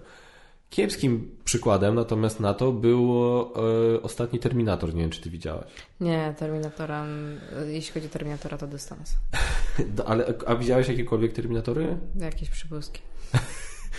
Historia Terminatora jest generalnie pokrótce taka. E, w pierwszych filmów e, inteligentny system komputerowy Skynet przejął kontrolę nad światem, e, zbombardował bombami atomowymi cały świat. Na tych czeluściach, w tych po prostu, wiesz, resztkach ludzkości gdzieś tam zrodził się ruch rebeliantów prowadzony przez Johna Connora I do tego stopnia im dobrze poszło, że udało im się wygrać ze Skynetem, więc Skynet wysyła w przeszłość, w przeszłość cyborga, który ma zabić matkę e, Johna Connora, zanim ona go urodzi. I wtedy rebelianci wysyłają też przeszłość człowieka, który ma go, yy, mają chronić, tak? I jakby i, i, i, to jest tam cała saga i tak dalej, i tak dalej. Natomiast ostatnio, ostatnio i, i kilka sequeli było i gdzie generalnie historia zawsze gdzieś tam wracała. Tak, druga część była taka, że, bo pierwsza część się niby dobrze skończyła, ale druga część była taka, że ten John Connor już się urodził i tam miał 12 lat i znowu z przyszłości jakiś tam robot przyjechał, żeby go, przybył, żeby go zabić, więc znowu wysłali tym razem robota innego. Fani Terminatora pewnie po mnie jadą w ogóle za używanie takich słów, ale teraz staram się po prostu to na szybko powiedzieć, e, żeby właśnie chronić tego Johna Connora i tak dalej, i tak dalej. A ostatnia część, Terminator Dark Fate, e, jakby główne trzy postacie to były wszystko kobiety. Żaden problem, zwłaszcza, że jedną z nich to przywrócili e, Linda Hamilton, która grała właśnie Sarah Connor w tej pierwszej części, która jest po prostu świetna i ona moim zdaniem była najlepszą częścią tego filmu, bo reszta to... I właśnie tam było coś takiego, że e, oni mieli właśnie chronić młodą dziewczynę, która była celem jakiegoś tam Terminatora przesłanego z przyszłości. I jakby Sarah Connor podejrzewała, że tak samo jak u niej, sytuacja jest taka właśnie, że ona urodzi jakiegoś właśnie przywódcę tam, który pomoże, wiesz, który pomoże zwalczyć ten Skynet. I to też nie byłoby wszystko, bo i nagle się okazało, przepraszam, spoiler alert, ale i też dla ciebie, ale naprawdę nie oglądaj Kurczę. tego filmu. No, no okej, okay, mogę nie mówić. Mów. E, I jest tam taka kwestia, że okazuje się, że tak nie jest, że to nie to, że ona ma właśnie urodzić tam przywódcę, tylko że ona się koniec końców będzie tym przywódcą, tak? E, tych rebeliantów. I po prostu, i to też byłoby wszystko spoko, tylko na to wszystko padła ta zawsze, to zawsze, to jest to o jedno zdanie, o, jedno, tylko, o jeden akcent za dużo i już mamy w tym momencie łopatologiczne po prostu takie, wiesz, bo ta, ta jedna, jedna dziewczyna jej mówi, że że twoim przeznaczeniem nie jest urodzić jakiegoś mężczyznę, który uratuje świat, tylko ty jesteś przeznaczeniem. I ja tak, a... Aha, czyli przesolili zupę. Przesol... Dok dokładnie, to jest to. Nie? To jakby sama koncepcja, żeby po prostu okazało się, że to ona jest tym, to też nie ma w tym, to jest spoko, to jest spoko rozwiązanie fabularne. Tak, tylko spoko podkreślanie twist. tego na siłę po prostu nie jest, y, no... To, znaczy, no, wiesz, znaczy, tak jak we wszystkim, no w każdym filmie, czy, czy, czy w ogóle, no wiesz, no podkreślenie jakichś akcentów, mówienie do odbiorcy, jak do ej, idioty. w ogóle jak do idioty, bo o to chodziło, już kumasz, no to nigdy nie wychodzi dobrze, tak, no, no i, i, to, i, to, I też właśnie ja mam trochę tak z grą Monopoly, czy to mm. też nie jest trochę takie płytki, taki płytki zabieg PR, który tak w efekcie po prostu właśnie mówi do graczy jak do idiotów wy jesteście ci niedobrzy, bo jesteście facetami, więc teraz my dajemy kobietom więcej kasy. Kumasz takie też... No to w ogóle wiesz, no to, to kłóci się z samą ideą. To wiesz, można to porównać na przykład do greenwashingu, czyli po prostu producent, który mówi, że jest super eko i zielony, a tak naprawdę no nie jest, tak, bo, bo, bo, bo korzysta, zarabia na przykład na wspieraniu spółek węglowych czy czegoś tam. Więc, Czytałem twój artykuł, ten bardzo fajny był. O, dzięki. E, I wiesz, no to tak samo jest po prostu z tym, z tym przedstawianiem kobiet, czy z tym femvertisingiem, czyli reklam, reklamami, czy w ogóle przekazem takim kulturowym, e, popkulturowym kobiet, który my teraz dostajemy. E, jako taką papkę, którą zżeramy, e, że w momencie, kiedy nam coś zgrzyta, coś jest nieautentyczne, my widzimy, że coś tam nie gra, no to kurczę, będziemy na dystans z tym, wiesz. Tak, tak to, to działa. To nie wiem, czy słyszałaś o tym, jak się po łapach dostało Natalie Portman po ostatnich Oscarach? Za płaszcz? Tak. Ale... A po łapach się dostało jej się, bo? E, jakaś aktorka, i to chyba była Rose McGowan, ale nie jestem pewny. Wydaje mi się, że to była Rose okay. McGowan zwróciła uwagę, bo Natalie Portman ma swoją firmę producencką, mm -hmm. gdzie produkuje filmy. I Ta. wyprodukowała chyba siedem filmów i tylko dwa z nich zostały wyreżyserowane przez kobiety, z czego w obu przypadkach to była ona. Tak, tak, tak, to pamiętam faktycznie. A na tym Wiesz, płaszczu miała płaszcz, w ogóle płaszcz super był, bardzo mi się podobał i sam zamysł, faktycznie jak to wypłynęło, to się okazało, że to jest bardzo płytkie i no wiesz, przyczepianie się do haseł e, może dać ci, może być katalizatorem, tak, dla twojej, nie wiem, czy kariery, czy biznesu, czy czegokolwiek, ale bardzo szybko wypłynie, że ty ściemniasz. No właśnie. Inne, inne... Mniej lub bardziej, bo ja też mi trudno jest mi uwierzyć, że wiesz, że ona naprawdę z premedytacją myślała o tym, że nie, nie zatrudni żadnych babek, bo faceci są lepsi. Nie, nie. Ja... Po prostu o tym pewnie nie pomyślała. Nie, ja, nie, ja, ja na przykład, ja właśnie, ja szczerze wierzę, że to było po prostu kiepsko, bo poza tym ja Natalie Portman uwielbiam, i ja widziałem ją w wielu różnych wywiadach i tak dalej i wydaje się być szczerze sympatyczną, pozytywną, inteligentną osobą. E, więc ja też właśnie mówię, nie widzę w tym, nie, nie, nie, nie doszukiwałbym się żadnych złych intencji, tylko mówię taki kiepsko przemyślany zabieg PR-owy, gdzie ona, bo ja totalnie wierzę, że jak ona produkowała te filmy, no to po prostu tak się złożyło, że zależało jej na zrobieniu dobrych filmów i tak się złożyło, że do zrobienia, na do, do, do tych konkretnych filmów najlepiej pasowali akurat ci reżyserzy, którzy się akurat tak składało, że byli facetami tylko po prostu w momencie, jak, jak masz to, no to musisz myśleć o optyce, o tym, jak to wygląda, jak to będzie odbierane i tak dalej. I myśleć, dobra, kurde, no może ja nie powinnam akurat teraz wystartować z tymi literami i tak dalej, no bo w sumie ja jestem na pozycji, gdzie mogę właśnie angażować więcej kobiet, e, reżyserów, a tego w sumie nie robię, no nie miałem nic złego na myśli, no ale ludzie nie będą tak na to patrzeć, więc będzie wokół tego niepotrzebny szum, który pewnie bardziej sprawie zaszkodzi i tak dalej, i tak dalej. Więc ja myślę, że to po prostu był kiepski. Ja mówię, ja się jej nie czepiam i tak dalej. Moim zdaniem to po prostu ona mogła to, nie wiem, skonsultować z kimś, z tych agencji pewnie, pewnie tak konsultowała. Tak Ciekawa jestem, dlaczego tak to wyszło faktycznie. Bo to był taki strzał, wiesz, mały paluszek stopy. No bo sama akcja odbiła się szerokim echem. E, sami płaszcz. Tak. Fajne to było. Faktycznie masz rację, że, że potem ten ciemny cień przysłonił Ostry cień mgły. Ostry cień mgły. Będziemy rapować? nie, nie, nie, nie. To jest, okej, okay, dobra, jak mnie rzuca, będziemy rapować, to jest znak, żeby skończyć rozmowę. Także tak, słuchajcie, yy, dwie godziny 12 minut. Jest rekord. Wow. Jest rekord. Na razie trochę, w tym nowym Trochę mnie, i to ja będzie informacja dla przyszłych Twoich rozmówców, słuchawki mnie trochę cisną. Już tak? Tak. Aha, Już dobra. czuć te dwie godziny. No to dobra, no to jest jasny sygnał, y, będę też pamiętał na ilu umawiać. Y, ja mam poczucie, że moglibyśmy jeszcze spokojnie dwie godziny siedzieć i gadać tak naprawdę. Tak, w ogóle też to wrażenie, wiesz, ja zazwyczaj jestem po drugiej stronie, jest mi dziwnie, kiedy mnie tak odpytujesz, e, kiedy tak rozmawiamy sobie, bo ja, to jest zazwyczaj ja pytam i wiesz, ja wyciągam od ludzi informacje, dzisiaj mam wrażenie, że trochę mogłam Cię o więcej rzeczy pociągnąć za język, wiesz, wypytać. Oj, myślę, że na pewno. I myślę, że jeszcze będziesz miał okazję. Ja bym przynajmniej chciał. Jeżeli jeszcze kiedyś przyjmiesz moje zaproszenie, to ja bym chciał, żebyś jeszcze, to możemy się tak umówić i że się tak przygotujesz, że ja wtedy mnie dasz, weźmiesz po prostu pod tym, pod lampą przesłuchania okay. i ten. To tak zrobimy. Dobra. I z tym Petersonem się poprawimy. To ja Ci teraz będę przesłuchiwać, wiesz. Spoko, z miłą, z miłą chęcią. Um, moi drodzy, e, Emilia Stawikowska, newsweek.pl. E, można znaleźć bardzo dużo fajnych artykułów na różne tematy. O tych niektórych artykułach też chciałem z tą pogadać, niestety nie zdążyliśmy.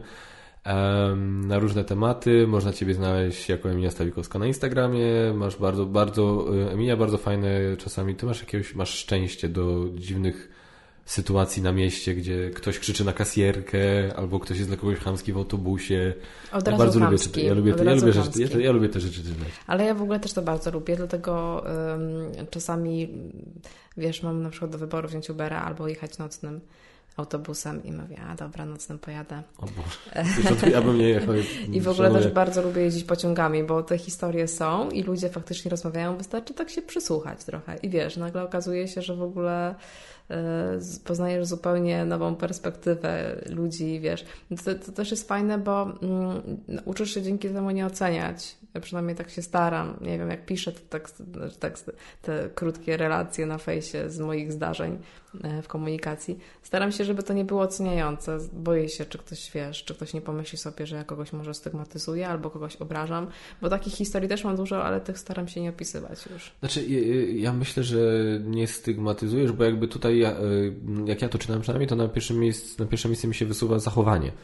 Czyli to nie jest tak, że ty piszesz e, biały, heteroseksualny mężczyzna e, z krzyżykiem na szyi, e, zaatakował młodą dziewczynę z tęczową przepastką, wiesz, coś takiego, nie, nie robisz tak, że na zasadzie tylko opisujesz, że facet powiedział do dziewczyny i tyle. Czyli nie, nic nie wiemy o nim, nic nie wiemy o niej, kompletnie po prostu zachowanie, tak? Samo zachowanie, no, no, no tak, no zachowanie jas, jasno widać, którą stronę pewnie potępiasz e, gdzieś tam w duchu, a którą nie. No tak, ale, ale to jest tylko zachowanie, więc jakby no zachowanie moim zdaniem możemy oceniać i to ostro, no bo nie oceniamy ludzi, oceniamy ten. Ostatnio miałem długą rozmowę z moim synem, e, gdzie, gdzie ja na przykład no, zdarzyło mi się niestety w emocjach powiedzieć, że coś, co on tam zrobił, coś tego było głupie. E, I potem z nim usiadłem i długo z nim rozmawiałem o tym, żeby on zrozumiał różnicę, że E, że, że to nie, że powiedzieć komuś, że ktoś coś, że coś ktoś, że coś, co ktoś zrobił jest głupie, to nie oznacza, że ten ktoś jest głupi. Tak. Że każdemu, ja zacząłem mu podawać przykłady rzeczy, które ja robię, które są głupie, a sam nie jestem głupi, mam nadzieję. E, I tak dalej. I to to była długa rozmowa, ale tak mówię, no, niestety dałem ciała, bo w ogóle nie powinien był tego mówić, ale no mówię, no rodzic, nie, ma, nie ma rodziców chyba idealnych i wiesz, i dlatego staram się teraz to naprawić właśnie takimi rozmowami z nim. A Więc... wiesz, on potem to odsłucha, ten podcast za lat 18 i pomyśli sobie, kurczę, fajnie, że tata tak powiedział. Może, nie wiem. Głupio mu było, a ja pamiętam, że on powiedział, że coś zrobiłem głupio. Ale fajnie też, że o tym mówisz, bo rozmawialiśmy o rozmowach w internecie i w ogóle nasz język jest bardzo oceniający. W ogóle język polski mhm. jest super oceniający. Wiesz, mówisz komuś, spóźniłeś się, kropka nienawiści. I to już jest ocena, mimo że to jest stwierdzenie faktu, ale mówisz to, żeby dać komuś trochę popalić, wiesz. Masz świadomość, że jeżeli powiesz komuś spóźniłeś się, to ta druga osoba nie odbierze tego jako zwykłego komunikatu, oceny sytuacji. Nie, coś zrobiłeś źle. Zrobiłeś coś źle, tak, więc nasz język jest bardzo oceniający. A plus jeszcze nałożymy na to, że my sami siebie oceniamy, mówimy, jesteś głupi i w ogóle nie znasz się. No. Plus jakby, no wiesz, no to wiesz, to dlatego ja mówię, że to był duży błąd, bo co ja zrobiłem yy, z punktu widzenia rodzica, no bo yy, wiesz, dorosły człowiek podejrzewam może mieć problem z rozróżnieniem tego, że wiesz, jak ja bym komuś powiedział, że ej, sorry, to jest głupie. Ej, uważasz, że jestem głupi? Nie. To, co powiedziałeś, jest głupie. Powiedziałeś coś głupiego. Nie, ty nie jesteś głupi, bo nie wiem, czy jesteś głupi, bo cię nie znam. No właśnie, na temat rozmów w internecie, to się też często zdarzało. Nie uważam, że, nie, bo nie wiem, jaki jesteś, więc nie wiem, czy jesteś głupi. Natomiast uważam, że to, co odpowiedziałeś w tym momencie, w tej rozmowie, jest turbo głupie, jest wręcz idiotyczne na tej zasadzie. I ludzie też nie potrafią tego odróżnić. I może to jest też gdzieś tam nauka właśnie, żeby też właśnie nie używać takich sformułowań, bo wtedy jak nawet pomimo tego, że jasno wyrażasz się o zachowaniu albo o słowach, a nie o sobie, no to to i tak z automatu tą drugą tą osobę stawia na pozycji takiej defensywnej. No tak, no bo oceniasz, kim jesteś, że masz prawo oceniać zachowanie danej No nawet, osoby. nie, dokładnie. Ale też, wiesz, fajnie, że o tym mówisz, że ty rozmawiałeś o tym ze swoim synem. Czemu w szkole tak nie rozmawiają? Bo w szkole uczą pierdół, które są niepotrzebne, a rzeczy ważnych po prostu są, rzeczy ważne są pomijane. No właśnie, nie uczy się szacunku, sposobu, wiesz, jak rozmawiać, rozwiązywać konflikty. Wiesz co, są jakieś programy, są tam jakieś pomysły na to i jakby ja widzę to, bo mówię, no chodzę do, do w mojej szkole widzę jakieś tam starania ze strony nauczycieli. E, tylko wiesz, no powiem Ci tak, ja, jakie oni mają szanse na realne przeprowadzenie jakiegoś takiego programu, kiedy z normalnym programem muszą zapierdalać jak głupi za przeproszeniem, bo po prostu no, takie, są, takie są nałożone na nich ramy czasowe. No właśnie o to mi chodzi. I to jest w, w tym momencie, no jakaś dysproporcja, nie ma, nie ma, wiesz, nie ma jakiegoś systemu priorytetów. Dokładnie. Prostu. Albo jest zaburzony, bo system priorytetów jest, tylko czy on jest faktycznie potrzebny w współczesnym świecie. Wiesz, myśmy się złapali na tym z Basią ostatnio, że rozmawialiśmy o tym i dużo rozmawiamy o tym, jak najlepiej yy, uczyć, yy, jak najlepiej, że tak powiem, motywować nasze dzieci, zwłaszcza Zośkę, która już jest starsza i no już jej oceny i to, jak jej idzie w szkole, może mieć realny wpływ na coś jak ją motywować do lepszej, do bardziej regularnej i rzetelnej pracy. I, i wiesz, ale tak na przykład się ostatnio złapaliśmy, ty w ogóle, czy, czy, czy, czy ona, wiesz, tak zobaczyliśmy, że ona w sumie tak niespecjalnie spędza czas teraz ze swoimi koleżankami ze szkoły. Nie umawia się na jakieś tam, wiesz, spotkania, wiesz, mówiliśmy o tym, że słuchaj, jeśli chcesz z kimś spotkać, to my cię zawieziemy, zgadamy się z ich rodzicami, coś się wymyśli i tak dalej. Tych spotkań za bardzo nie ma. I nagle, wiesz, nagle się okazuje, że kurde, te dzieciaki nawet nie za bardzo potrafią łapać, jak, jak, jak zbudować relacje, tak? A, a my też przez to, że musimy tyle czasu poświęcać tej nauce i, i, i tego, my też nie, nie wiesz, no to, to nie jesteś w stanie przegadać, to jest dramat troszkę, to jest naprawdę, to jest autentycznie dramat. tyle rzeczy musisz zrobić jako rodzic i o tyle, tema tyle tematów musisz poruszyć jako rodzic, że siłą rzeczy pewnych tematów nie poruszysz, pewnych tematów nie zrobisz. I, to, i ważnych tematów, ważnych rzeczy. I, I to cię po prostu, jak sobie z tego zdasz sprawę właśnie, na przykład tak jak my teraz mówię, kurde, czy myśmy kiedyś tak gadali, mieli jakieś takie długie rozmowy na temat tego, jak się poznaje ludzi, jak się robi wrażenie na ludziach, jak się, wiesz, jak, jak się nawiązuje przyjaźnie i tak dalej. Czy, no, nie, nie, nigdy nie było na to czasu. Ja może o tym nie trzeba mówić, wiesz. Może to są te rzeczy, które dzieci łapią e, może. z góry, idąc za przykładem. Mo możliwe, tak, tak, mo może tak być, ale, ale są też inne tematy, nie? gdzie myślę, że jednak ta rozmowa jest potrzebna, a, a też się tego nie robi, nie? I to jest takie właśnie... O jest dobra, znowu... Czyli doszliśmy do tego, że doba jest za krótka. O, proszę cię, zdecydowanie. Ja jestem absolutnie za czterodniowym tygodniem pracy. Jest to możliwe. Ja wiem, ile ja pracuję i ile mógłbym pracować, żeby robić osiągnąć dokładnie taki sam efekt. Więc myślę, że cztero... Takie przesłanie na koniec do tak. szefa. mój, mój szef tego nie będzie słuchał. Może a za 5 lat może jak się podca ten podcast zrobi sławny za jakieś 4 lata, ludzie się będą cofać do tych starszych odcinków, wróci tutaj, kurwa, się opierdzielał w pracy cały czas. Tak, on te podcasty, wiesz, nagrywał i tak. w ogóle w czasie tak, pracy. Tak, teraz jest 14. jest środa, jest 14. A jest ciemno, ponieważ, e, ponieważ Paweł kupił taki specjalny z tyłu, tak. taką fototapetę, że niby ciemno jest. A w ogóle to tylko jeszcze dodam, bo patrzę za, za twoimi plecami, tam się życie dzieje w oknach. Teraz już nie ale był pan, który robił rzeczy przez okno. Coś Co to znaczy robił rzeczy przez Jakieś, okno? wiesz, wyciągał coś tam, ustawiał jakieś doniczki. Aha, nie Maria, bo wiesz, jakie było moje pierwsze skojarzenie? Nie mam pojęcia. robił rzeczy przez okno. nie, nie, nie. Bo nie mogłam sobie przypomnieć, co on tam dokładnie robił, wiesz, nic istotnego, bo skupiłam się na tym, co mówisz. Aha, dobrze. E, Okej, okay. E, bardzo, bardzo się cieszę, że wpadłaś i mówię, mam nadzieję, że jeszcze się kiedyś tu zobaczymy. Wam bardzo gorąco polecam artykuły Emilii i mówię, konto na Instagramie, bo są zabawne historie. I tyle. Dziękuję. Ja bardzo również dziękuję. Miło było mi wpaść i cieszę się, że mnie zaprosiłeś. Lubię. Chciałem skinąć, uderzyłem mikrofon. To już czas, że jest, e, że jest bardzo późno. Jest dosyć późno. E, dzięki wielkie, pamiętajcie, Geek Factor Podcast, jesteśmy na Spotify, jesteśmy na iTunesach, szukajcie nas, lajkujcie nas, subskrybujcie nas i do zobaczenia w kolejnych odcinkach. Cześć, pa! Cześć, pa!